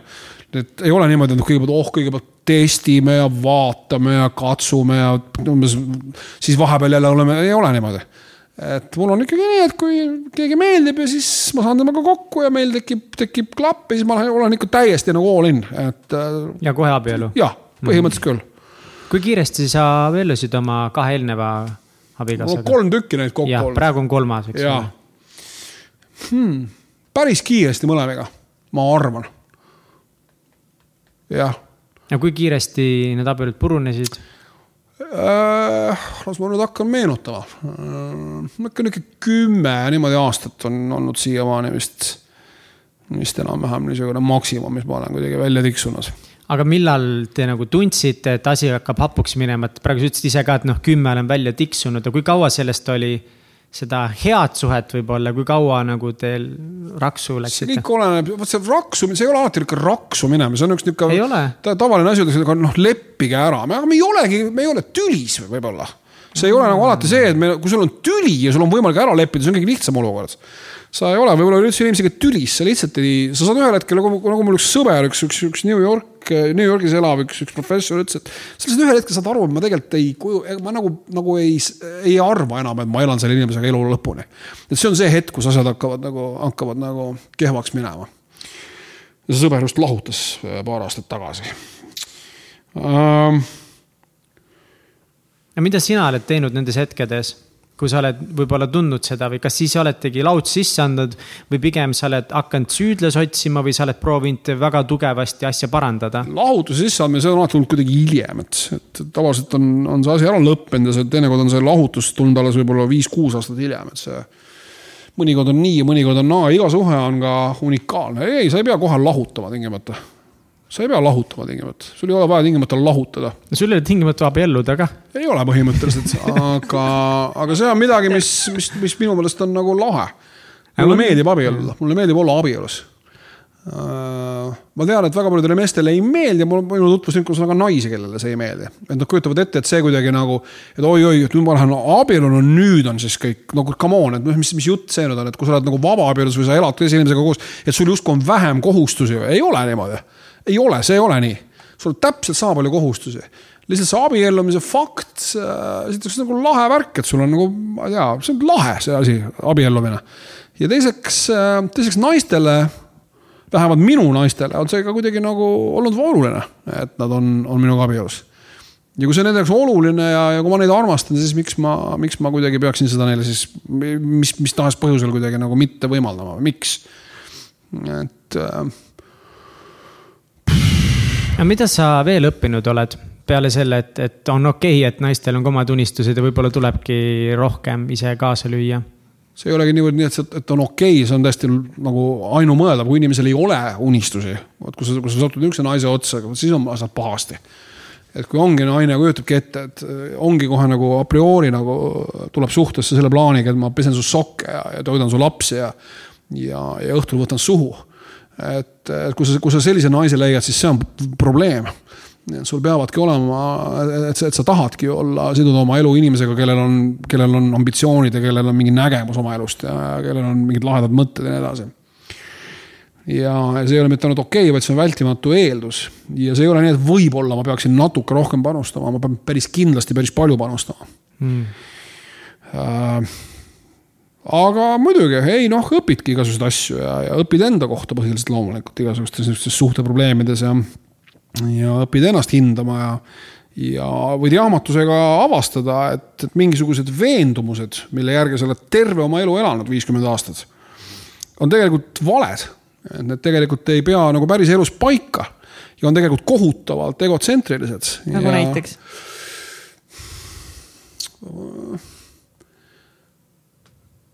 No näiteks see, et, et see, see, mis on õnn, on ainult sinu otsustada, et, et, et kui, kui perekond on sinu meelest õnnelik et siis ongi. et, äh, et aga võib-olla naine ei ole. ja võib-olla ta on sellest kuidagi nagu ääriveeri sulle ka märku andnud, aga sa ei kuula seda, sest aga come on, sul on, kõik on hästi, mis, mis sa tahad. kõik on ju, sul ei ole ju mingeid probleeme. sul on kõik väga hästi aga tegelikult tema tahab hoopis midagi, midagi muud, mis teda õnnelikuks teeb. täpselt niimoodi ja see ei mahu su kuradi väiksesse pähe ära, pähe ära mis, mis mõttes ja sa oled välja mõelnud mingisuguse oma niisuguse konstruktsiooni niisugusest õnnelikust kooselust. ja siis teise inimese oma erineb sellest ja see ei, see ei mahu sulle pähe. ja noh, kui niimoodi juhtub, siis ongi aeg nagu revideerida seda oma nagu veendumust, seda oma nägemust sellest õnnelikust perekonnast. ja et kõik ei ole ainult alati sinu, see asi ei käi sinu ümber see on üks asi, mida, mida inimesed, vähemalt mehed, mulle tundub, vähemalt mina oma suhetes olen väga palju teinud. minu perekond jällegi, kõik käib nii nagu mina mina, mina, mina otsustan nii, nagu mulle tundub, nii nagu minu meelest on õige. ja see ei ole kuidagi niimoodi, et ma, ma ei tea, sunnin lapsi kell seitse magama või annan naisele peksa, kui pesu ei ole pestud, vastupidi. minu meelest teeb naise õnnelikuks see, kui ma viin ta kuradi esimeses klassis lennutan kuradi kuskile kuradi Paali saarele. see on lahe, see on õnn, nüüd sa oled õnnelik. aga võib-olla ta ei taha, ei no see on okei okay,, ta ei ütle, aga võib-olla tal on midagi veel vaja. võib-olla see ei ole see, mis teda, mis teda ainult õnnelikuks teeb. ja seda, kuidas, me ju käisime seal mis siis, mis, mis, mis, mis sa siis nüüd tahad, mis, mis, mis, mis me valesti tegime? aga kas sa nüüd siis oledki hakanud uurima seda, kas sa nüüd edasi küsid? absoluutselt, isegi küsimises ei ole küsimus, tuleb kuulata, ma võin ju küsida, ta võib üritada ka rääkida, kui ma ei kuule, siis on ja. sellest äh, väga vähe abi.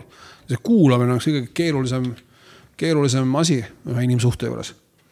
on, ma tean omast käest, väga uh ja. kuulad jah, nikutad peale ja, ja kõik on õige jah, muidugi jah, ja ikka läheb ikka samamoodi edasi, niimoodi ta tiksub, tiksub, tiksub ja ja ühel hetkel ei olegi enam nii lahe, kui, kui alguses oli. okei okay,, nüüd sa oled õppinud kuulama, ma saan siis aru? no ma õpin seda alles veel, see ei ole päris niimoodi jah, et see kõik võtab aega võtab, aga ja. kuidas see, Liinaga te olete nüüd uuesti kokku läinud? Et vahepeal nagu, eks meie teame ka ju kõike sinu kohta nagu ülejäänud Eesti läbi ajakirjanduse. Ja, ja ajakirjandusest te läksite lahku ja no, siis ja. nüüd ajakirjandusest te läksite jälle kokku. no ei noh, tegelikult ju ka, et, et meil tõepoolest oli sellel suvel periood, kus me äh, elasime lahus. kas, kas see on midagi tavalist sinu eelnevates suhetes ka olnud, et mingi hetk? sellist olukorda ei ole minu arust varem olnud, nagu nüüd oli, ei ole. aga kuidas te sellest üle saite? selleks noh, sellele küsimusele võimalik vastata nii-öelda üldiselt ja väga detailselt, ma pean ilmselt vastama üldiselt sellepärast, et sest ma, ma ei ole, ei ole oma naisega kokku leppinud, ma võin ja. sellest praegu teile nüüd sa räägid juba kelleltki teisest kant kui iseendast, on ju.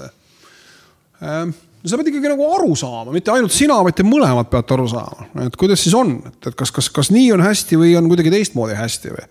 või kas see on mingi asi, millega, mille nimel sa tahad töötada või ei ole kas mõlemad tahavad selle kallal töötada või on ainult nii, et üks ainult tahab ja teine ei taha. ja, ja kui, kui sa siis avastad, et mõlemad inimesed nagu tahavad tegelikult selle asja kallal töötada, siis tuleb selle, hakata selle kallal töötama. alguses väga raske, väga keeruline. aga, aga mida aeg edasi ja mida rohkem sa selle asja kallal töötad ja see töötamine on juba ikka igapäevane ja, ja, ja noh, sõltuvalt olukorrast, noh. võib-olla niisugune või naasugune, et siis muutub see veidi lihtsamaks aga kõige olulisem on lihtsalt kindlaks tehakse, soov on olemas ja see soov ei saa olla ainult lastes, lapsed on ka oluline asi, väga oluline asi. aga see ei saa olla ainult niimoodi, me nüüd punnitame ja tegelikult ei armasta teineteist või sina ei armasta mind või mida iganes, ma armastan kedagi teist. aga nüüd laste nimel me kuidagi nagu surume, nii ei saa, et lapsed saavad väga hästi aru, kui midagi on pahasti ja said ka, said ka meie lapsed. et ainult laste pärast ei saa pingutada, sa saad ikkagi pingutada ainult siis, kui, kui, kui, kui see kõigile sobib ja kõik tegelikult seda tahavad ja kui nad tahavad, siis. kas sa mõtlesid, et, et nagu fuck, nüüd mul on jälle kolmas abielu tõenäoliselt perse minemas, kas sa mõtlesid nagu, et ma jälle keeran? ikka mõtlesin, muidugi ja ikka mõtlesin, muidugi, muidugi mõtlesin. ja kas sealt tuligi võib-olla see, et, et äh, sa hakkasidki vaatama nagu endas, et äkki on asi nagu minus ja mida mina saaksin inimesena nagu muuta? võib-olla selles ei olnud asi, et äh,, et nüüd kurat juba kolmas, et, et, ma ei tea, ma loon, see ei olnud sõltub, sõltub kuidagi nagu numbrist statistiliselt nagu. asi, asi oli ikkagi selles, et ma ikkagi väga armastan oma naist ja, ja, ja mm. ja ma tahtsin, et seda, et see asi läheks, et see asi oleks noh, ühesõnaga selle saaks töötada mm. -hmm. aga kui sa nüüd vaat-, saaksid anda end nagu endal nooremale iseendale suhtenõu, mis nõu sa annaksid endale oh,? väga hea küsimus, oleneb olukorrast, aga, aga jämedalt jah, üldiselt tuleb olla nagu tuleb aru saada, et see suhe on, peab olema võrdne. et üks suur viga, mida mehed teevad, on see ja võib-olla naisi muidugi igasuguseid, aga minu kogemuses üks suur viga on see, et ma arvan, et naine on õnnelik siis, kui ta ei pea mitte midagi tegema. kui ma teen talle kõik ette-taha ära. kui ma tassin talle raha koju ja kui tema nii-öelda ülesanne on ainult nii-öelda chill ida ja, ja, ja, ja et see teeb ta nagu õnnelikuks, ei tee et äh, nii nagu see mind ei teeks õnnelikuks, ei tee see, ei tee see ka, ei tee see ka ühtegi naist õnnelikuks. ja see on üks asi, mida tasub nagu, tasub nagu alati meeles pidada.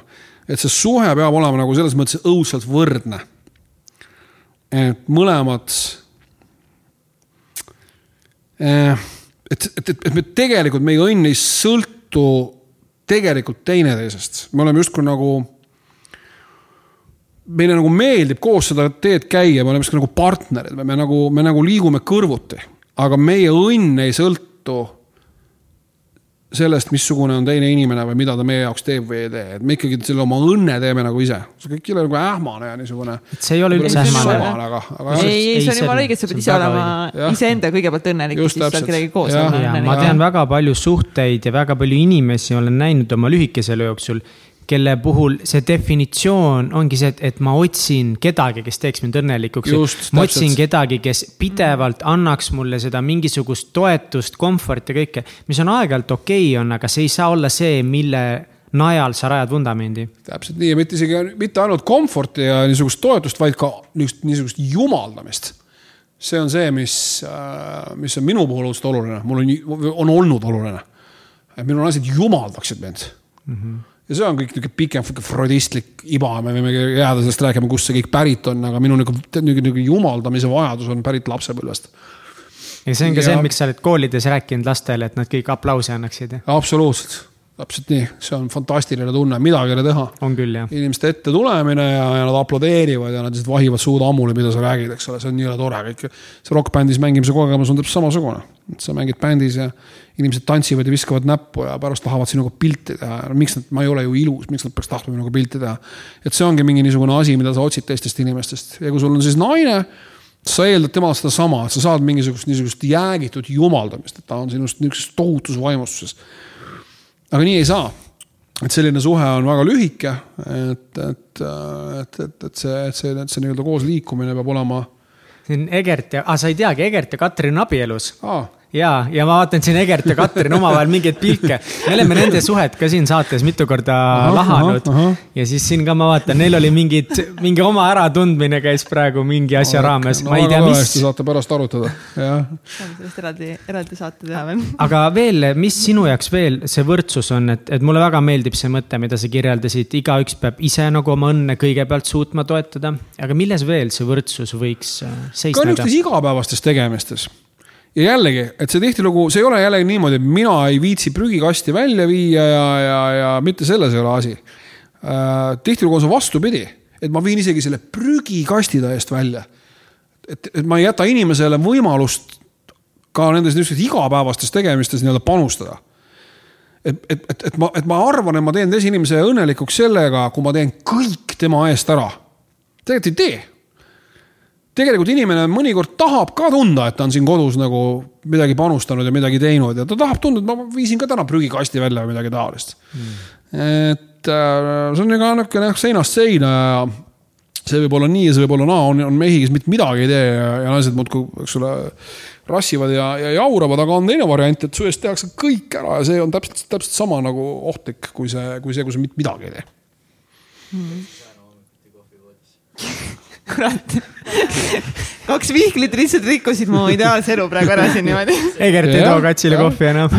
nüüd on, nüüd on läbi kõik. aga Mihkel, sa oled öelnud, et sa oled ebaõnnestumiste suur fänn. ja olen küll mis see, mis see tähendab või kust on tulnud see, et okei okay,, et nüüd läks asi perse ja nagu okei okay,, võib-olla see ei olegi nii halb.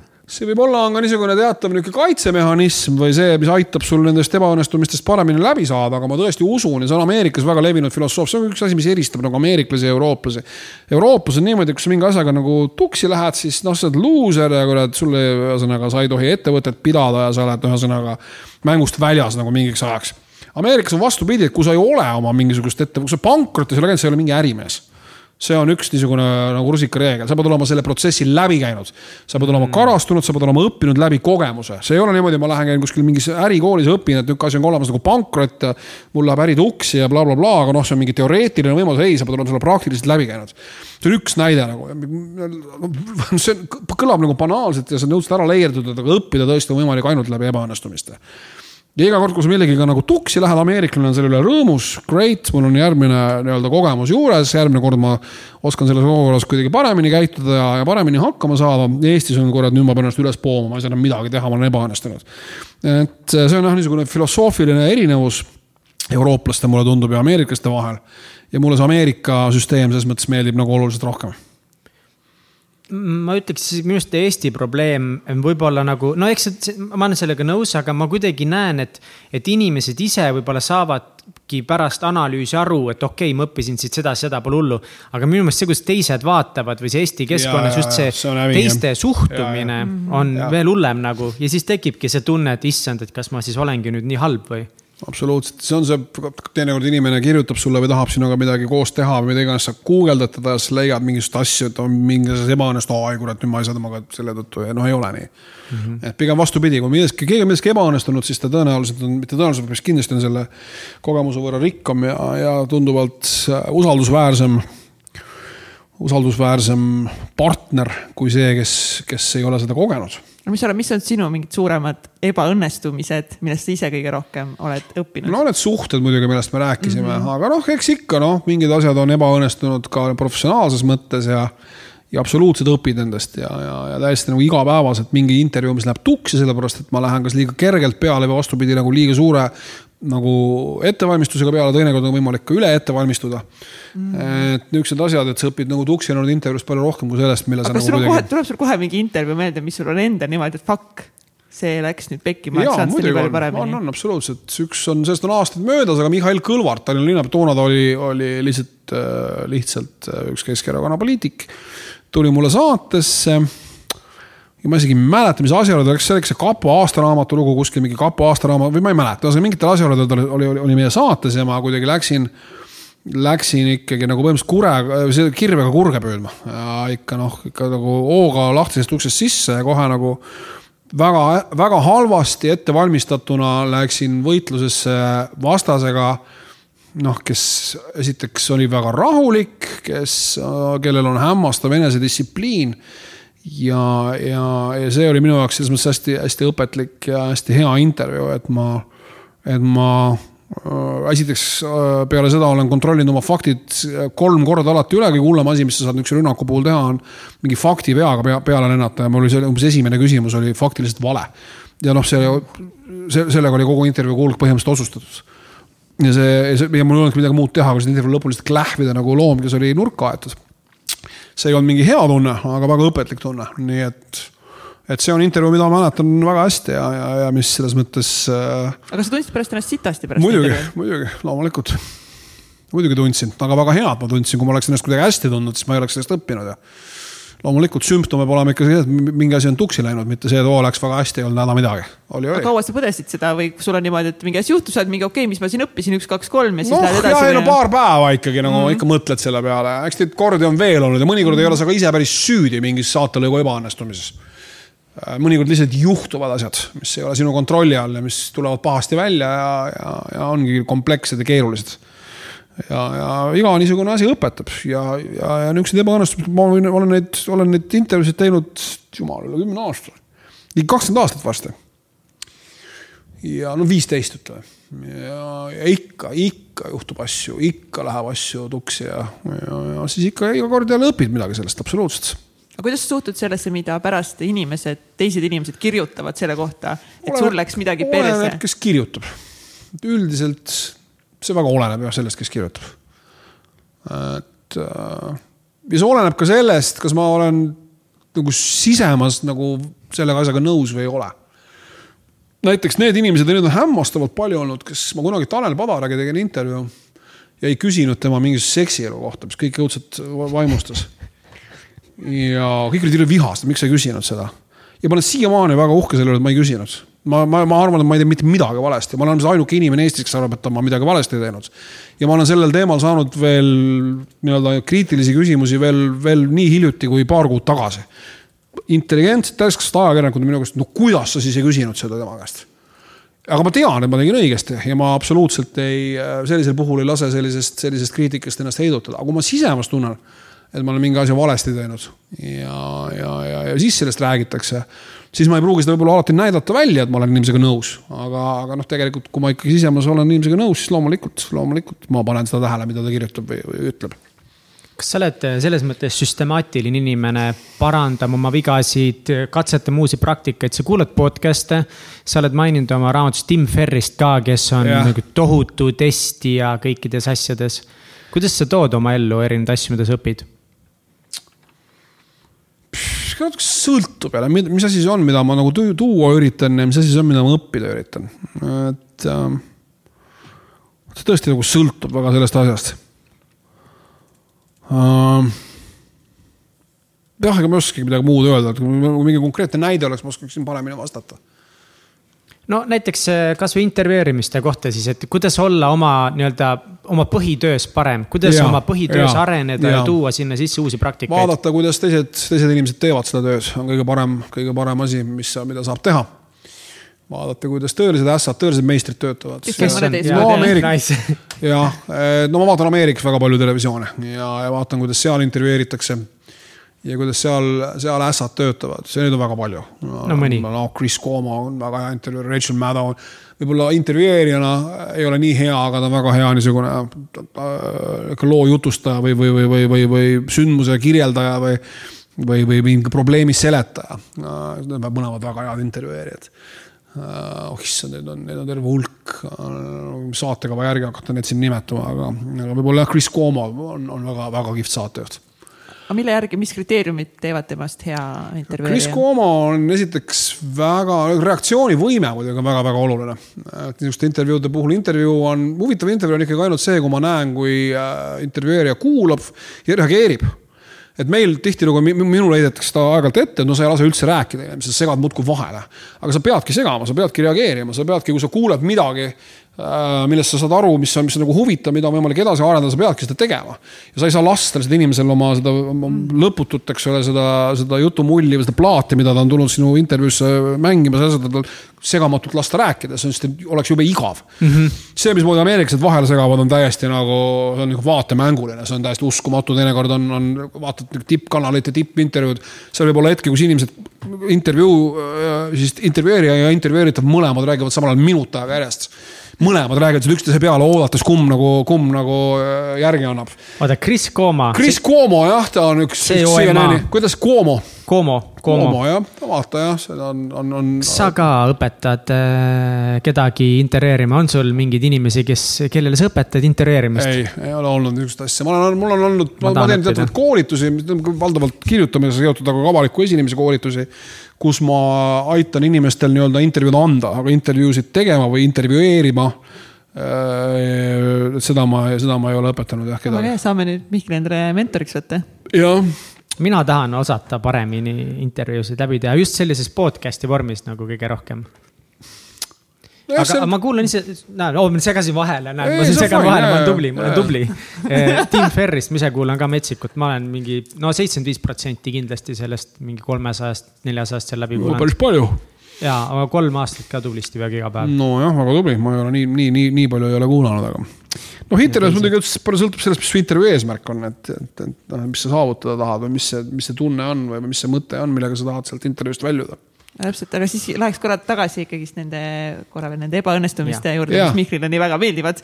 et äh, rääkisime siin suhete ebaõnnestumistest, aga mis on nagu ärilises valdkonnas midagi perse läinud hmm.? väga hea küsimus. mul on mingi niisugune, ma ei tea, kas ma julgen sellest isegi rääkida, äkki ma sõnun midagi ära, aga mul on kuidagi niisugune väga niisugune kummaline elukogemus. ja ma ei tea, kas see on kõigil niimoodi, aga minul on see kuidagi niimoodi olnud. et alati, kui mingisugune mingisugune äriline asi nagu ebaõnnestub, mingi klient kaob ära, mingisugune raha jääb tulemata, ühesõnaga tekib mingisugune niisugune hetk, kus niisugune, kuidas siis öelda, see niisugune materiaalne tase, millega sa oled nagu harjunud, on kuidagi ohus. alati tuleb kuskilt mingi asi selle asemele, see on täiesti hämmastav äh, see on lihtsalt kuidagi niimoodi juhtunud ja see ei, loomulikult ei ole mingisugune soovitus noortele ettevõtjatele, et ärge muretsege, laske asjad kõik, kõik nii-öelda kuradi torust alla, et küll midagi, küll asjad laabuvad, kusjuures nad laabuvadki lõpuks. aga mul on jah olnud kuidagi, kuidagi niimoodi. ja teinekord mulle isegi tundub, et selleks, et raha saaks peale tulla, tuleb teda eest nagu kuidagi, et mul ongi mingi niisugune, ühesõnaga, et, et nagu mingi niisugune paak. et sinna ei saa nagu juurde tulla niikaua, kuni sealt nagu eest ära ei lase et selles mõttes ma olen üsna kehv majandaja ja ma ei kuidagi väga pikalt ei suuda ette mõelda ega oska ette mõelda ja enam-vähem kõik, mis tuleb, see ka läheb, ega mul mingeid tohutuid fonde ei ole ja nii kui nad selle teise pensionisamba vabaks lasevad, ma võtan kogu raha sealt välja, mis mul võtta on ja. tõenäoliselt lähen kuskile reisile, ühesõnaga teen täpselt seda, mida kõik, kõik, kõik rumalad inimesed või mitte rumalad inimesed, aga nii-öelda noh, kuidas siis öelda, mitte ettenägelikud inimesed tõenäoliselt teevad ähm,. Äh, aga on ikka ikka olnud, jah, on mingeid mingeid võimalusi olnud, mille ma olen lasknud äh, omast rumalusest mööda. ja üks võimalus, millest ma olen ka ühes oma raamatus kirjutanud, oli kunagi üheksakümnendate aastate alguses üks Eestis elav Kanada mees tuli kord minu juurde. palus kohtumist, me saime ühes kohvikus kokku, ostsime kohvi, sõime kooki, ajasime juttu, ta rääkis, et nüüd on niisugune lahe asi nagu internet. ma ütlesin, ma olen kuulnud tead, et teeks portaali, mis see portaal on, no portaal on sihuke värk, et me paneme, ma ei tea teeme nagu mingeid uudiseid ja paneme need uudised sinna internetti ja et, et mina võiksin seda asja kuidagi nagu äriliselt ajada ja. ja sina, ma nagu näen, et sa võiksid neid uudiseid siis nagu toota, et sa oled nagu ajakirjandusega seotud ja et sa oskad nagu kirjutada ja et sina toodaksid nagu seda sisu ja. ja mina siis oleksin kuidagi nagu see ärimees selle. Mina noh, jah, noh, et, et jagame fifty-fifty, et pool on nagu minu osalus ja pool on sinu osalus ja mis sa sellest arvad? mina, mis, mis sellest ikka arvan, internet oli uus ja arusaamatu ja keeruline asi ja mina teadsin, et, et äh, ajalehes ilmuvad mingid uudislood ja, ja mitte kuskil kuradi internetis. ja ühesõnaga jäi see, jäi see sinna. siis see mees ikkagi tegi selle portaali ja müüs selle portaali maha eepilise raha eest, selle Delf-, see, see portaal sai hiljem nimeks delfi.ee ja, ja seal olid muidugi mingisugused vahejupid seal mingil hetkel, noh, see, see ei olnud nii, nii mustvalge, et nüüd, kui ma oleksin neid tegema hakanud, siis ma oleksin saanud endale sada miljonit eeku et see, et see asi seal arenes veidi, veidi keerulisemalt, aga põhimõtteliselt jah, mulle, mulle pakuti võimalust olla esimese või üks ja hiljem nagu väga edukaks ja suureks ja suure raha eest kõige olulisem maha müüdud nii-öelda, nii-öelda portaali äh, alustajate seas, aga ma lihtsalt kuidagi nagu mingi uus asi ja mingi kuradi internet ma kuidagi nagu jah, lasin selle, lasin selle minema, ei suhtunud sellesse väga tõsiselt. ja tagantjärgi mõtlen, et võib-olla ei oleks pidanud seda tegema oota, palju siis ära osteti, palju ka? issand, ma ei mäleta neid summasid, need valuutad on ju ka vahepeal muutunud mm., on eurod, eks ole. see oli brutaalne raha, millega see, millega, millega Luik seal omal ajal ära ostis. kümme miljonit krooni rohkem, ma arvan, see oli, see oli võigas raha, eriti tollel ajal. sada milli juurde. võis olla vabalt midagi taolist. tol ajal see võis, no eepiline see oli, seda oli räme palju seda raha, ma mäletan. aga siis ma mõtlen jälle, aga võib-olla ongi hea, et, et seda ei juhtunud ja võib-olla jällegi ma oleksin hoopis teistsugune inimene ja võib-olla mm. tegeleksin mingite asjadega ja iga asi on nagu alati millekski, millekski hea. mingisugused otsused, mida sa teed, isegi kui need tagantjärgi võib-olla majanduslikud, kuna sa küsisid, eks ole, niisuguste äriliste ebaõnnestumiste kohta et võib-olla jah on.... aga kuidas sinu suhe üldse rahaga on, ma tean, et siin raamatus sa kirjutasid vahepeal, et sa ikka ostad lotopileteid ja kujutad ette, et sa võidad. ja, aga see on niisugune tore nagu mõttemäng, et samal ajal ma nagu natuke kardan ka, kui ma võidan. et kui sa nagu tegelikult võidad, me teame, mis lotovõitjatega juhtub, eks ole, see on, see on see kuulus lotoneedus, eks ole, inimesed, kellele kukub ilge hunnik raha kaela ootamatult, nad tegelikult nende elu ei muutu õnnelikuks, vaid nende elu muutub, muutub tihtilugu keerulisemaks, kui see varem on olnud suurem osa neist lõpetab noh pankrotis niikuinii, aga paljud neist on ka, lõpetavad vanglas ja ühesõnaga see on üks, üks õudne elu. suur lotovõitja Ameerika Ühendriigid, kus ma aeg-ajalt lotot mängin, seal on võidud ikka, see ei ole mingi sada miljonit, mingi tilulilu sada miljonit on sihuke lastevõit. see võit võib olla miljard dollarit, ma olen mänginud lotot olukorras, kus jackpot oli, oli üle miljardi dollari. see on, see on armutu raha üle miljardi. miljard, jah kas keegi on, kas keegi tõesti võidab sellest lõpuks ja, ära? see võideti, aga seal, seal oli, see, see läks jagamisele, on mm., on niimoodi, mõnikord on ja kuna nii palju pileteid osteti mm, -hmm. absoluutselt iga inimene ostab pileti olukorra, isegi kui sa muidu lotot ei mängi, kui sul on jackpot kasvanud miljardi dollari peale, sa loomulikult ostad selle pileti. ja nii juhtuski, et see läks minu meelest kolme inimese vahel jagamiseks, jagamisele, et iga õnnetu võitis ainult kakssada viiskümmend miljonit või midagi taolist. või oli, läks ikka kahe inimese vahel ja noh, igal juhul see raha oli, oli lihtsalt brutaalne. aga ja siis on eriti tore muidugi niisugust mõttemänge teha ja tõesti, see on nagu, see on, see on jabur raha, isegi kui sa selle investeerid nagu mingi täiesti nagu riskivabalt, siis see, see, see, see noh, raha, mis, mida see raha iga, iga päev toodab, on on, on julm ja see on muidugi mõtted ja see kõik on jälle tore ja, aga, aga teada on ka see, et, et kui selline rahasumma siis sulle tõesti pähe kolksatab, siis sa lähed lihtsalt lolliks peast. ja, ja, ja, ja mitte ainult sina ei lähe lolliks peast, vaid ka kõik inimesed, kes arvavad end sind tundvat, lähevad peast lolliks, hakkavad sind otsima ja ühesõnaga sellel hetkel, kui sind tabab loteriivõit, nagu paar päeva tagasi juhtus ühe Soome inimesega, kes võitis üle kahekümne miljoni euro, euro jackpot'is, ma lugesin uudist. Äh, tema elu, seda, seda, seda ei ole enam olemas. Äh, inimene peab tõenäoliselt sellest riigist kaduma, kus ta on elanud ja ta tegelikult on, on omamoodi õnnetu. et siis tasub alati nagu mõelda, et, et, et noh, et kui sulle sinu elu tõesti üldse ei meeldi, siis on tore tõenäoliselt loter-, loteriiga suur raha võita, aga aga kui sinu elu juures midagi meeldib, siis üldiselt tasub ära unustada, et, et noh, et. no aga raha on ikkagi vaja ja me teame, et sulle meeldib ka raha. seda on muidugi ja muidugi meeldib ja muidugi on seda vaja, aga seda ei ole tingimata vaja miljard. muidugi, kui keegi ütleks mulle, kas ma, kas ma tahaksin, siin on miljard dollarit, kas sa oleksid valmis, siis ma tõenäoliselt unustaksin ära kogu selle, kogu selle targutamise. kui palju raha on vaja?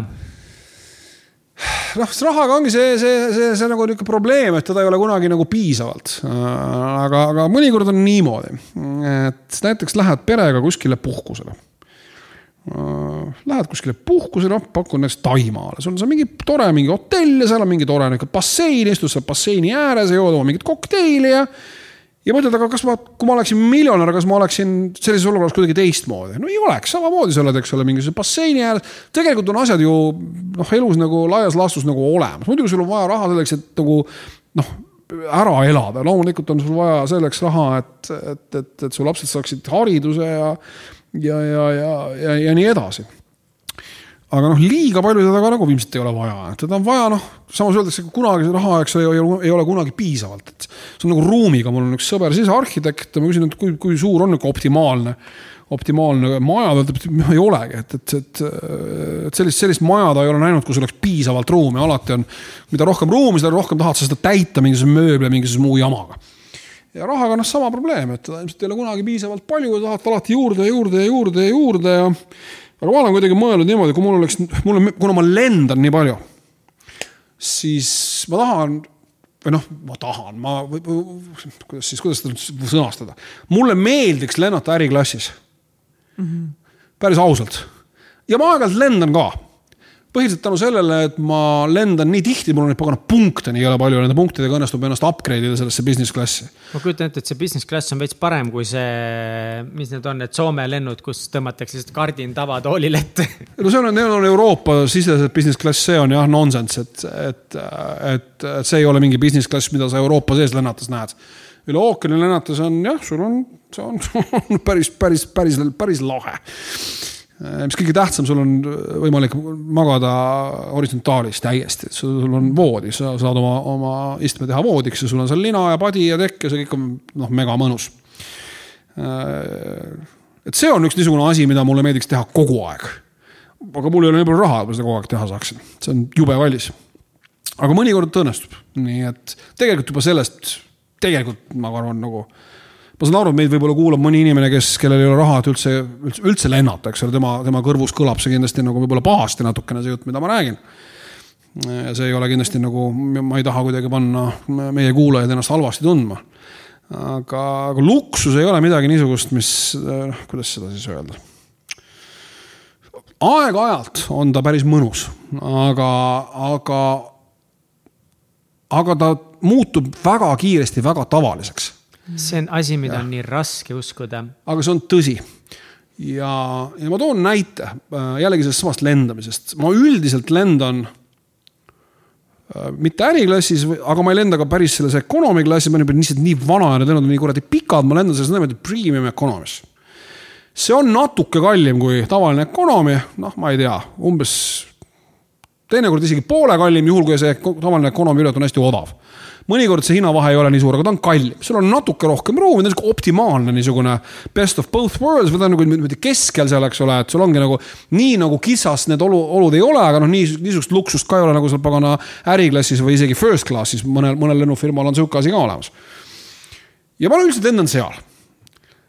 aga ma mõned nädalad tagasi Euroopa sees lendasin tavalises klassis, mitte midagi ei olnud viga tegelikult ei ole mitte midagi viga täiesti lennatav, täiesti tehtav, okei okay,, noh, kümme tundi on võib-olla veidike raskem. aga sa ei pea lendama selles pagana, selles heas, heas klassis mm. -hmm. aga see on, see on see meie point, mida ma Kats sinuga, mis on meie mure selle rikaste inimestega, sa mäletad, Kats või? seda, sa mõtled seda, et. ja, ja, ja, ja et sa saad sellest siis aru, kui sa oled rikkaks saanud, vaata. no täpselt nagu muidugi, fuck noh, ma pean, ma ei usu elu sees lihtsalt, et see ökonoomia on norm, ma pean seal paar korda seal first class'is ära ja. olema.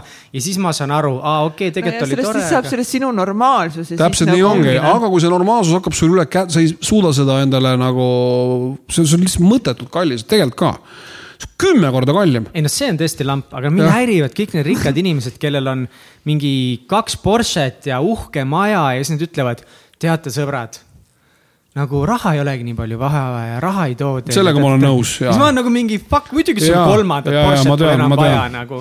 no ma saan aru jah, et kahe, kahest ja, piisab, mul pole ühtegi, mul on ja, jalgratas. ma sõidan jalgrattaga seal kuradi järvepanal pori sees. jah, noh, mul, mul õnneks ei ole ei, ei Porschesid ega, ega maju, nii et selles mõttes ma ma loodan, et minu jutt on, on selle võrra nagu natuke usutav. aga mis on kõige finantsiliselt olnud sinu jaoks kõige parem otsus, mis sa oled eh, teinud? väga hea küsimus jälle, ma ilmselt olen üsna väga kehv finantsinimene. väga hea küsimus, mis on kõige parem finantsotsus, mis ma olen teinud? Ma arvan, et ma ei olegi teinud väga häid finantsotsuseid no midagi sa oled ju päris hästi teinud, kui sa saad täna elada Ameerikas, lennata nii palju Eestisse tagasi, vahepeal lubada endale esimest klassi käia perega. esimest klassi ma endale lubada ei saa, see on juba brutaalselt kallis Business, sorry. äriklassi saan endale lubada põhiliselt tänu sellele, et mul on neid pagana punkte, et lennupunktidega, kui sa, kui sa lendad nii palju edasi-tagasi, siis kui sa oled lojaalne ühele sellele lennugrupile, mina olen Star Alliance'i lend, ma alati lendan nendega siis sul tekivad punktid ja nende punktidega on sul võimalik siis upgrade ida okay. ennast sellesse äriklassi. osta nüüd niimoodi lihtsalt nagu nullist äriklassi pilet, see on ikka, see võtab ikka, see võtab ikka ausalt öeldes nagu pisara silmanurka, see võib maksta kolm tuhat eurot edasi-tagasi pilet nagu lihtsalt, et sul oleks natuke mugavam kümme tundi, no see on nonsense. kas kõige parem on kõik nagu kõige mõist-, on olnud näiteks see, et sa oled nii raamatuid kirjutanud, on finantsilist nagu. jaa, see on kindlasti olnud, aga see ei ole kuidagi jälle, ma ei ole neid kunagi kirjutanud selle mõttega, et vot see on mhm. mingisugune niisugune finantsotsus, et ma ikkagi olen kirjutanud sellepärast, mulle meeldib seda teha ja. aga neil on tõesti läinud hästi ja nad on rahaliselt osutunud mõni, mõni väga edukaks ja mõni niisugust suurt niisugust flop'i või niisugust läbikukkumist puh-puh-puh ei olegi nagu olnud, et et see on kindlasti hea, aga, aga jällegi võib-olla kõige parem äriotsus ongi see, et mingeid otsuseid tehes ma ei mõtle tingimata ainult sellele ärile. minu kogemus ongi see, mida vähem ma sellele ärile mingeid asju nagu planeerides mõtlen, seda, seda paremaks nad lõpuks ärilises mõttes ka osutuvad.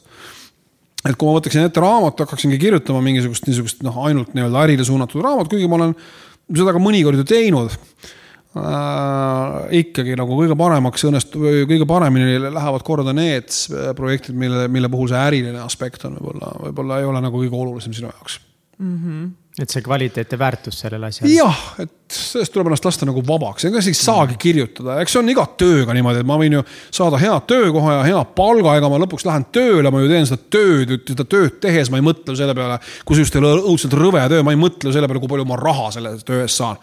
jah, ma saan, see on väga tore kõik ja ma, eks ole, seda tööd planeerides, mingit tööd vastu võttes, ma kindlasti mõtlen selle peale ja arvutan ja nii edasi, aga kui ma nüüd seda tööd reaalselt teen, siis ma selle peale ju enam ei mõtle mm. -hmm mul okay. on üks teisel no. teemal küsimus okay.. kohta? ei, ma ei tohi segada. me räägime Katsiga iga kord peale episoode, tegelikult kuule, Kats, ma rääkisin jälle nii palju. lendamisest on väga lahe rääkida, mulle väga meeldib. mis rääkida. on äh, mingi küsimus, mida sa tahaksid, sinult küsitakse, aga keegi pole küsinud? ei ole mul niisugust ühtegi küsimust, kõik ühtegi on küsitud, ei ole. kõik on küsitud, me ei saa, me ei saa enam üllatada lihtsalt seda nagu. ei noh, on ka väga raske muidugi noh mis asi on raske? ei, ongi väga raske niisugust küsimust välja mõelda, mida keegi ei ole küsinud. aga kas on mingid? aga küsime hoopis nii, niipidi, et mis on mingid näiteks teemad, mille sa ise tahaksid rohkem rääkida? Ameerika sisepoliitika on see asi, mis absoluutselt kedagi ei huvita Eestis. keegi ei ole sellega kursis, mis on ilgelt huvitav, tegelikult väga põnev eriti praegusel ajal, sellest ma, mulle väga meeldib alati, kui keegi uurib selle kohta ja siis ma hea meelega räägin väga pikalt ja, ja kui inimesel on aega, ma võin talle väga põhjaliku sissevaate anda ja. ma olen nagu uhke selle üle, et ma natuke nagu jagan seda asja ja kuna ma olen seal elanud ja jälginud seda ja see võttis aega kõik selle asja selgeks tegemine et see on niisugune tore asi, vähemalt seda täna hakka tegema, sellepärast et, sest et see tõesti see tõesti ei huvita mitte kedagi peale minu uh, noh, see näiteks, lendamisest on tore rääkida, ma kohe elavnesin, kui me hakkasime rääkima lendamisest ja, ja, ja mingitest erinevatest klassidest, mulle väga meeldib lennupiletit book ida ja mulle meeldib otsida hindu ja vaadata ja võrrelda ja vaadata videosid äh, mingitest istmetest ja pagana, millest iganes, see on mingi asi, mis mingil veidral põhjusel mind kuidagi erutab, on, on äh, lendamine. kas sa mõtled äh, selle peale ka, et tegelikult noh, lendamine ja see ei ole nagu meie keskkonnale väga hea ja, või see sind nagu see teema. ikka muidugi huvitab, aga ta huvitab mind täpselt samamoodi nagu meid kõiki. ma saan aru mõistusega ja see on kõik halb, aga jällegi astun uksest välja ja kas ma elan ikka edasi samamoodi nagu ma elan. naine sunnib mind sorteerima seda värki, kuigi ma tean, et lõpuks prügimäel läheb see ikka kõik ühte, ühte, ühte hunnikusse, sest sorteerimisest ei ole mingit erilist abi, aga noh, mulle põhimõtteliselt muidugi loomulikult ma, ma saan sellest kõigest sellest murest aru ja ja, ja, ja, ja, ja, ja, ja võtan alati paberkoti, kui mul on võimalik võtta ja ja noh, paljudes osariikides või vähemalt mitmetes osariikides on see Ameerikas juba keelatud, kilekotid ainult paberkotid ongi. ja, ja, ja nii edasi ja need kõrred ja üritan neid mitte võtta ja noh, ja nii edasi. aga lendamisega on paraku see probleem, et ma vaatasin näiteks Scandinavian Airlines, millega ma väga palju lendan, neil on mingisugune Add Biofuel nimeline optsioon, ma väga ei jõudnud süveneda, milles see on aga ma umbes midagi natuke maksan neile raha, pilet, ma olen valmis ostma natuke kallima piletit, et nad saaksid seda mingisugust niisugust äh, jalajälge nagu veidi väiksemaks teha. ma ei ole väga süvenenud, milles see kontseptsioon on, aga probleem on selles, ma ikkagi ei ole valmis veel maksma lihtsalt selle tunde eest nagu. oleksid sa valmis kunagi õppima ise lendama äh,? pigem võib-olla, pigem võib-olla, ma väga austan lenduri, üks, üks, üks amet, mida ma tõeliselt austan, on lenduriamet piloodiamet, ma väga pean nendest inimestest lugu, ma, ma olen täiesti nagu in awe, nagu inglise keeles öeldakse nende inimeste ees et see vastutus on julm ja see, et see on jube kihvt, mida nad teevad ja mulle nad räigelt meeldivad ja. ma alati vaatan suu ammuli, kui sa ootad seal väravas oma lendu ja noh, kõigepealt tuleb meeskond teinekord, eks ole mm. -hmm. tulevad, sa näed kohe mingid vanemad mehed, kaks nokkmütsid peas, noh, ah, see on kapten ja see on mingi piloot. ma sõitsin hiljaaegu lennuga ja see oli minu arust, kas äkki oli, see võis ollagi üks Eesti, Eesti lendur, kus oli kapten, oli naine. see on hästi tore, kui mingi naisterahvas hakkab rääkima, teatab, et ta on lennuki kapten ja neid piloote on, see on ka Estonian Airial oli neid naispiloote. ja ma olen, ma olen räige nagu pilootide, pilootide fänn ja mulle väga meeldib see töö, mida nad teevad, aga ma ise kindlasti ei. ma tegelikult kardan ju lennata nendel põhjustel, millest me rääkisime, eks ole, kogu see paanikahoo mm. võimalus ja nii edasi. et ma arvan, et ma minust ei saa, kuigi ma olen ühe korra, ühe korra olnud ka kokpitis ehk siis seal selles ruumis, kus lendurid lendavad ja see oli sellel ajal just, kui, kui, kui ilmus musta pori näkku ja ma olin kuidagi mingit, kuidagi nagu eriti mingil selle raamatuga seoses niisuguses fookuses ja ma läksin, Estonian Air oli veel sellel ajal, lendasin minu meelest Londonisse. ja küsisin stjuardessi käest, et kas kokpitti on võimalik pääseda. ma ei tea, mis mu peas toimus, sihukese küsimusega esinesin. ja ta läks ja küsis kapteni käest ja siis tuli, ütles palun tulge minuga kaasa ja ma olen olnud siis lennu ajal, nad äh, piloodid siis võtsid mu sinna kokpitti ja see pilt, mis sealt avaneb, on muidugi, on uskumatult kihvt, me sõitsime pimedaga Amsterdam oli just eemal, kes ta ütleski ühel hetkel, et on juba pean teid tagasi saatma, hakkame approach ima või mis see inglisekeelne termin on, approaching vist ongi. peate tagasi minema, aga see pilt, mis sealt nii-öelda lendurite ruumist avaneb, on, on täiesti hingamatav. aga jah, ma kardan, et ma ise selles, selles, selles asjas, kuigi lennukid lendavad ju üldiselt valdavalt ise, eks ole kõik on ikkagi puhas automaatika ja autopiloodid on väga arenenud tänapäeval ja lennukid on ikka väga, väga, väga, väga võimsad nii-öelda tehnikaimed Nad ikkagi jah, ma, ma usun, et ma minust mingit nagu pilooti ei saaks. küll aga ma võiksin täiesti nagu noh, niimoodi puhtteoreetiliselt mõelda mingisuguse niisuguse administratiivtöö peale. noh, ollagi mingisuguses niisuguses ground support'is või ühesõnaga need inimesed, kes töötavad lennufirmade jaoks maa peal et see võiks olla küll üks asi, mis mul, mis mulle võiks väga meeldida, huvitav, et see, et see täna jutuks tuli, ma just mõtlesin selle peale paar päeva tagasi. Et see on üks, üks niisugune asi, mis mind võiks täiesti nagu vaimustada, et see on, et see on üks niisugune ala, mis mind nagu reaalselt tegelikult ka väga huvitab ja paelub, et minu meelest on see on see väga kihvt. aga mis ülesannet sa seal maa peal võiksid täita? ma, need on iga, ma ei oleks muidugi jälle seal selles tornis mitte, eks ole. mitte tornis, just mõtlesin, et seal tornis mingi. see on veel, see on kõige vastutusrikkam töö üldse. ei, see on kõige vastutusrikkam töö üldse, see on, see on julm, sa oled ju ikkagi see, kes noh, veendub, et lennukid ei, ei oleks teineteisele liiga lähedal ja nii edasi et äh, kusjuures mul on üks tuttav piloot ka, kes töötas omal ajal Estonian Airi peapiloodina. Ja, ja, ja, ja ta on ikka mind vahest kuulnud, nüüd ta töötab ühes era, era, erafirmas, aga, aga, aga ta on jah, ta ikka kutsus mind ka, et kui sul on, tahad, lähme, ei ole probleemi, et lähme tee meiega kaasa, sõidame Londonisse ja tagasi, et see ei ole nagu, ei olegi, ei olegi nagu nii raske aga jah, seal maa peal täitsa nagu, täitsa nagu, äh, ühesõnaga lennundus on üks ala, mis mind, mis mind nagu kuidagi niimoodi abstraktselt väga, väga vaimustab, mulle meeldivad väga lennujaamad. Mulle meeldib, lennujaam on alati see koht, kus algab mingi seiklus või jätkub mingi seiklus, see kuidagi on väga erutav koht minu jaoks.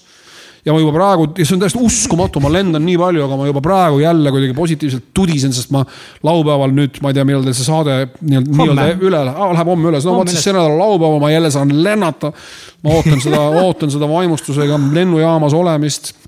ja kuigi ma tean seda Arlanda lennujaama otsast lõpuni ja, ja peale aasta ära talan, see kõik on mulle tuttav, ikkagi kuidagi on, on mingi niisugune positiivne erutus sellega seoses, nii et jah, lennundus on üks niisugune ala, mis, mis mind tõesti nagu vaimustab järgmiseks uh. viiekümneks nojah, ma olen liiga vana jah. kõik inimesed suudavad endale äh, identifitseerida, mis asjad neid erutavad nii palju kui sind äh, lennunduses. see on väga, see on tervislik, see on hea, leidke üles oma asjad, mis teid ja. niimoodi käima tõmbavad. Aga ma arvan, et lennundus meeldib paljudele, tegelikult see on jumala kihvt asi. see on sitaks lahe. ja on tõesti, jah kõik need lennukimudelid ja, ja asjad ja, ja kuidas need arenevad ja, ja, ja kuidas, no see on, see on, see on, see on, see on põhjatu, aga see on, see on fantastiline aga üks keeruline teema veel, kell on pool seitse varsti juba. nagu me, me, me peame suht hakkama Jah. lõpetama. mul on paar küsimust, ma tahtsin küsida, aga võib-olla üks teema, mis on nagu, ma tunnen, et on sulle challenge olnud, on toitumine. jah kas äh, järgmise aasta kümne eesmärgi seas on kuidagi toitumisega ka võidelda? kindlasti, kindlasti on. kindlasti, see kõlab nagu nii, et kindlasti ei, on, aga ma ei ole kindel, kas on. on, ei on, on, absoluutselt on.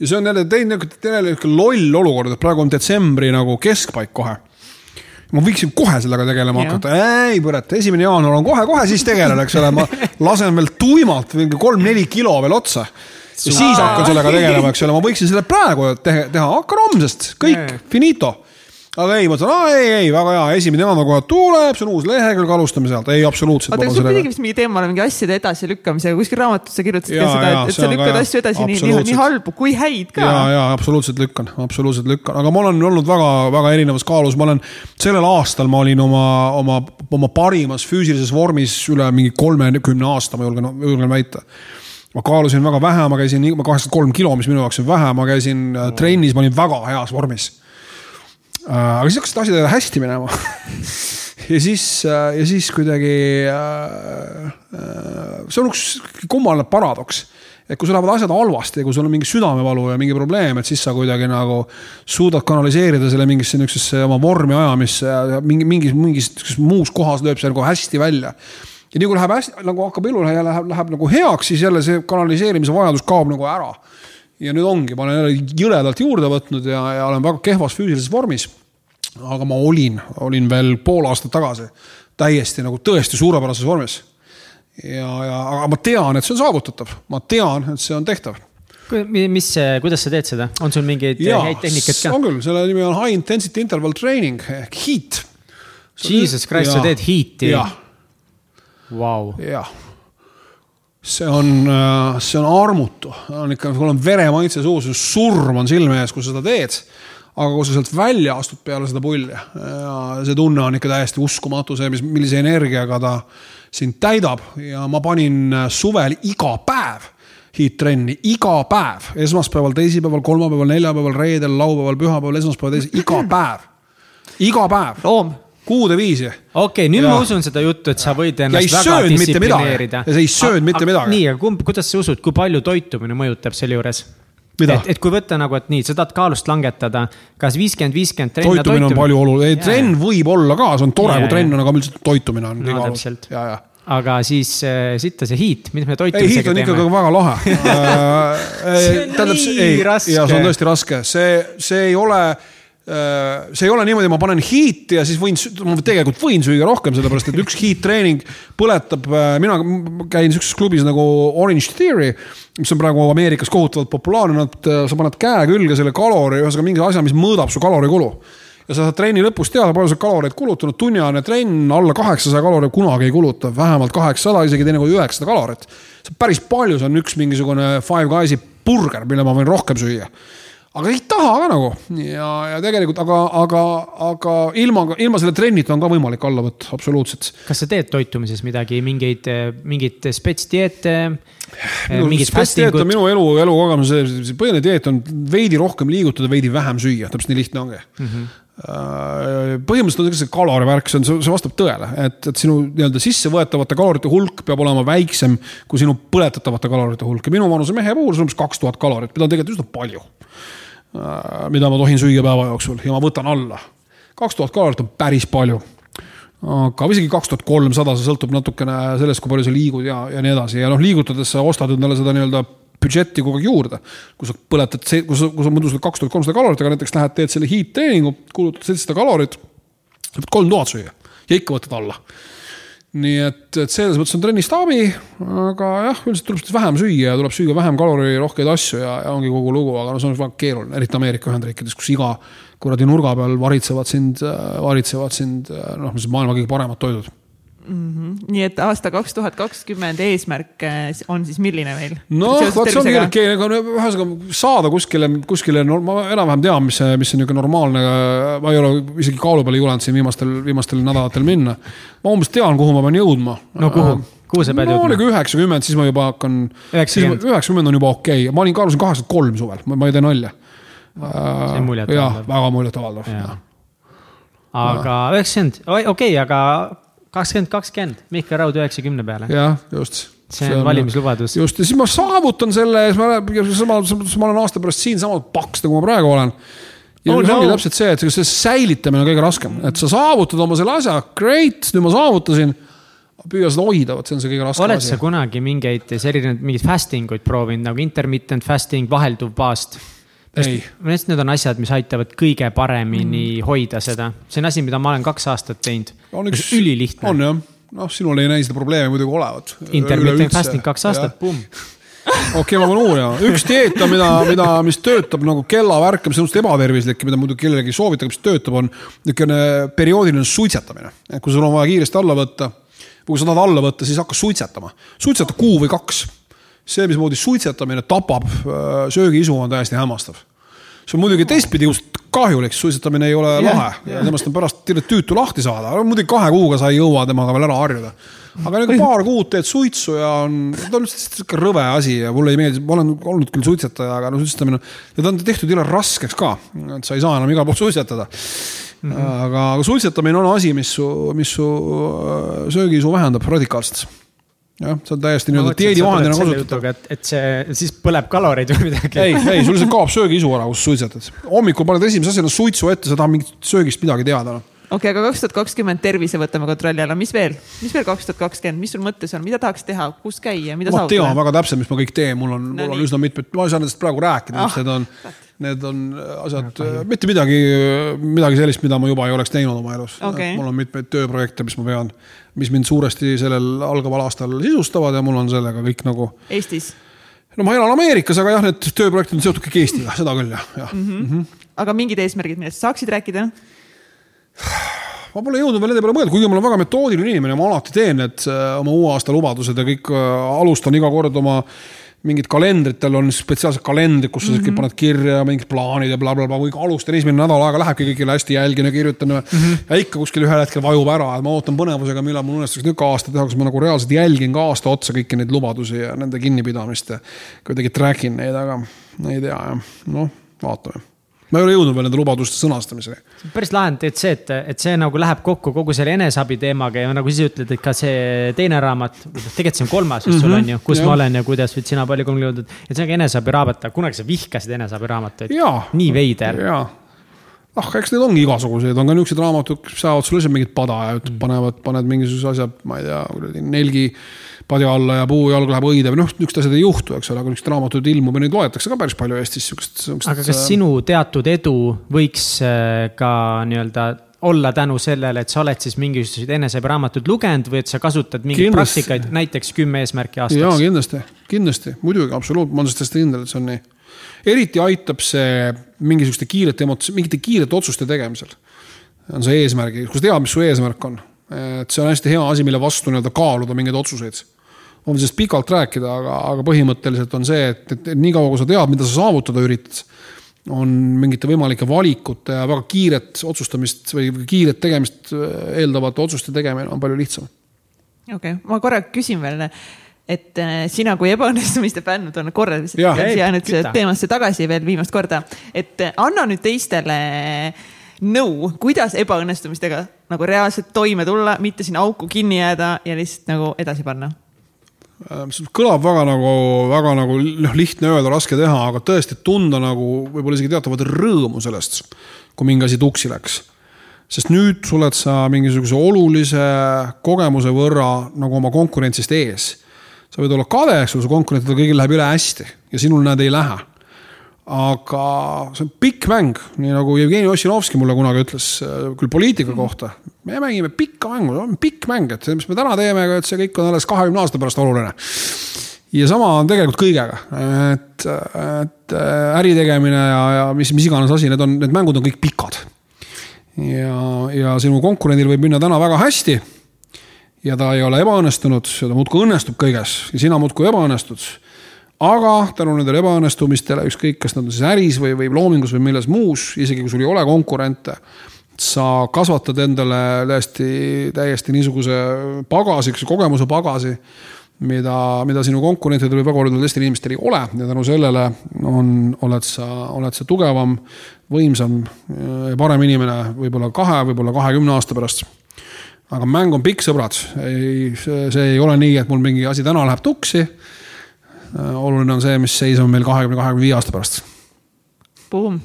I love it. ma arvan, et selle pealt liigume edasi meie viimaste välkküsimuste peale, mis me alati kõigest küsime. Siis... okei okay,, ma loodan, ma suudan neile vastata no sa ei, Mihkel, kui sina nendele nüüd ei suuda ei vastata, siis noh. kas, kas mingi aja peale vastamine või midagi kiiresti? viis sekundit okay,. Okay. nii, Mihkel, kas sul on olulisi rutiine või harjumusi, mida sa teed igapäevaselt või iganädalaselt? on, on, on üsna mitmes. üks, too välja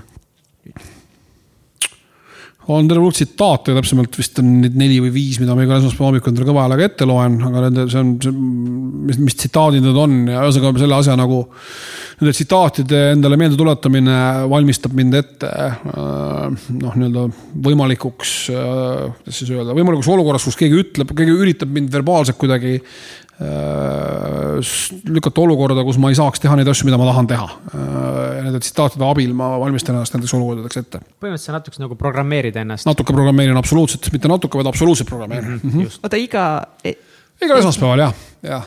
ütled sa endale mingeid teatud. loen endale jah tsitaate ette, mul on üks niisugune kogum tsitaate, mida ma endale kõva häälega ette loen, tuletan endale meelde. ja need samad jah, absoluutselt jah. nii omamoodi niisugused kümme käsku, mis tegelikult ei ole muidugi kümme käsku, mitte muidu, aga minu puhul ei ole kümme käsku. aga, aga mis jah aitavad mind, aitavad mind äh, fokusseerida. mõned olulised asjad tulevad meelde jälle. kas võiksid ühe öelda? Äh, noh, alustame Aristotelese kuulsast, ma sõnastusega võin, võin mm. natukene komistada, aga selleks, et teiste inimeste kriitikat vältida, et see on väga lihtne, selleks lihtsalt ei tohi, ühesõnaga selleks, et teiste inimeste kriitikat vältida, ei tohi midagi öelda, ei tohi midagi teha, sa pead olema mitte keegi. see on niisugune klassikaline. ja see on täiega, see on täiega. okei okay,, nii järgmine küsimus. Äh, milles sa väga hea ei ole? väga paljudes asjades ma ei ole väga hea kas see peab olema asi, mida ma pean tegema ja ei ole hea või see on asi, millest ma ei ole väga hea lendur näiteks eh?. kuidas, kuidas ise tahad oh,? võta siis mingi selle, mida sa pead tegema ja see ei ole hea. milles ma ei ole hea, noh, milles ma ei ole väga hea, ma ei ole väga, ma ei oska pealkirju näiteks panna, ma kirjutan väga palju tekste, aga ma ei oska neid pealkirjastada. super mm. -hmm. mille üle sa oled kõige uhkem oma elus? oma laste üle. ja oma naise üle, oma pere üle mis on kõige pöörasem asi, mis sa elus teinud oled ja kas sa teeksid seda uuesti äh,? ma olen väga palju pööraseid asju teinud. ilmselgelt. jaa, aga mis neist kõige pöörasem on olnud jälle väga raske hinnata. tõenäoliselt ma ei teeks neid uuesti. ma olen nii vana, et, et neid pööraseid asju uuesti teha, jah. super. mis on edu võti? Äh, ma tahaksin öelda midagi filosoofilist, aga minu, minu lihtne elukogemus on, on edu võti, on, on, keegi on seda veel ilusamini sõnastanud, aga mina ütlen seda õigel ajal õiges kohas olemine. aga minu arust, kas see oli Woody Allen või kes seda ütles, et kaheksakümmend protsenti edust on kohale minemine. sa pead olema kohal kõigepealt hakatuseks. ja siis võivad asjad juhtuda. muidugi jah. skaalal ühest kümneni, kui veider sa oled oi, ma olen mingi kaks-kolm võib-olla, ei, oleneb olukorrast, mul on mingeid, ei, mul on mingeid eluvaldkondi, kus ma võin olla sõna otseses mõttes väga kinki. Äh, on, on mingid asjad, mis, kus ma võin olla väga veider, aga.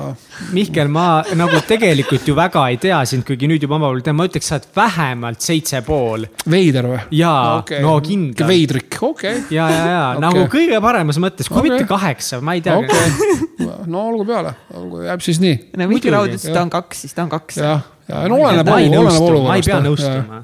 ei, ära nõustu. ei muidugi ei pea, absoluutselt kas ja kui palju sa loed raamatuid? ikka loen loomulikult, aga ma loen neid oluliselt vähem, kui ma peaksin ja kui ma tahaksin. on mõni no, raamat, mis sulle on väga kuidagi hinge läinud? mul on väga palju raamatuid, mis mulle on väga hinge läinud, mingil põhjusel tuleb mulle praegu meelde Benedikti Rafeevi raamat. issand, kui halb ma olen pealkirjadega, see on, oh Jeesus, Moskva Petuški on suurepärane raamat, see on eesti keeles ilmunud, seda on vist isegi kaks korda tõlgitud on üks, üks, üks vene autor ja see on sihuke alkohooliku, alkohooliku lugu ja, ja väga, väga ilus ja väga poeetiline, väga, väga, väga, väga raske lugemine, aga väga hea lugemine, see on eesti keeles ilmunud mm.. Mm -hmm. mul on nüüd sellest. sulle siit eh, kingituseks Aha. suurepäraseid eneseabiraamatuid. oi kui tore, oi kui tore. ja saad täitsa valida. siin Million Mindseti poolt on kas Pabulioni rikkaim mees, siis on Hoiak, teadlik mees, tulemuslikkuse kunst ja müü ise või sulle müüakse. Vau, vot sihuke mis siis kõige parem on? no vot, seda sa pead nüüd siin äh, otsustama, eks see iga eluetapi jaoks on. on erinev jah. on, ja on ei erinev ole ühtegi raamat. neist lugenud, noh No esimene niisugune loogika oleks kui ilma rahata ma võtaks kõik paksema, see on meie jällegi niisugune kuuekümne ühe, kuuekümne üheksanda aasta mehe loogika, teine variant on jälle see, et aga kurat, ta paksum tõenäoliselt ei loe, okei, ma peaksin võtma kõige õhema. olgu, ma võtan kõige õhema, ma võtan Hoiak, Earl Nightingale, I can't, sul on igal juhul õigus, kas suudad või ei suuda No kõik vot. sõltub sinu hoiakust, väga hea, super, Super. saad, hästi alustada Jaa. uut, uut aastat. saab tehtud, nii, ma nüüd kirjutan väikse pühendusega. väga tore, aitäh sulle. Mihkel, ja, ongi sealmaal, kus me hakkame laskma sul kodu ära minema. Ei ole võimalik. nagu suur-suur aitäh ei sulle. tahaks Jaa. üldse lasta või? Jaa. ei tahaks ja. alles nagu hakkas see. osa. kaks kunagi, no ma räägin mm -hmm. osa kaks. jaa, me peame. siis lähme istume, lähme kaalu peale kõik. osa, kaks tegema järgmine mm -hmm. aasta samal ajal enam-vähem ja siis vaatame, kuidas on vaatame, kuidas on läinud, jaa muidugi, vabalt võime teha. kindlalt teeme. Kus meie kuulajad sinu tegemistel saavad silma peal hoida? see on hea küsimus, sest ma väga ei saagi, et äh, mul on mingisugune Facebooki leht, kuhu ma postitan mingisuguseid artikleid, mida ma aeg-ajalt kirjutan, võib-olla seal. Aga sinu uus raamat, isa, kas see on juba välja tulnud? ja, ja see on juba. Ammu või? no mingi kuu aega vähemalt. Sorry, kuu Jah. on, siis kuu on nii kiiresti läinud, see ei loe, nüüd ma ei tunne halvasti ennast, sellepärast et ei, kuu sa ei pea sugu kiirelt. ennast halvasti tundma. okei ähm,, aitäh sulle, aitäh sulle sinu aja eest, absoluutselt, minu aitäh rõõm. sinu mõtete eest. minu rõõm. aitäh ja ma Jah. loodan, et meie kuulajad said ka siit endale palju No, ägedaid uusi teadmisi ma ja, loodan ka, absoluutselt. ja see, ma olen mina, ma olen mega rahul lihtsalt, ma olen täiega õnnelik, et. Mihkel Raud käis meil see on saates. kõige tähtsam, see on kõige tähtsam. Mihkel Raud, rahvas. nii et eh, kui see episood eh, sulle meeldis ja andis sulle vähemalt ühe hea mõtte, siis eh, jaga vähemalt ühe sõbraga ongi, ära seda. ole kade. ongi, jaga vähemalt Jaga. ühe sõbraga, keda võiks see mõte aidata. jah, Sharing is caring. olgu, tšau tšau. jah, nägemiseni.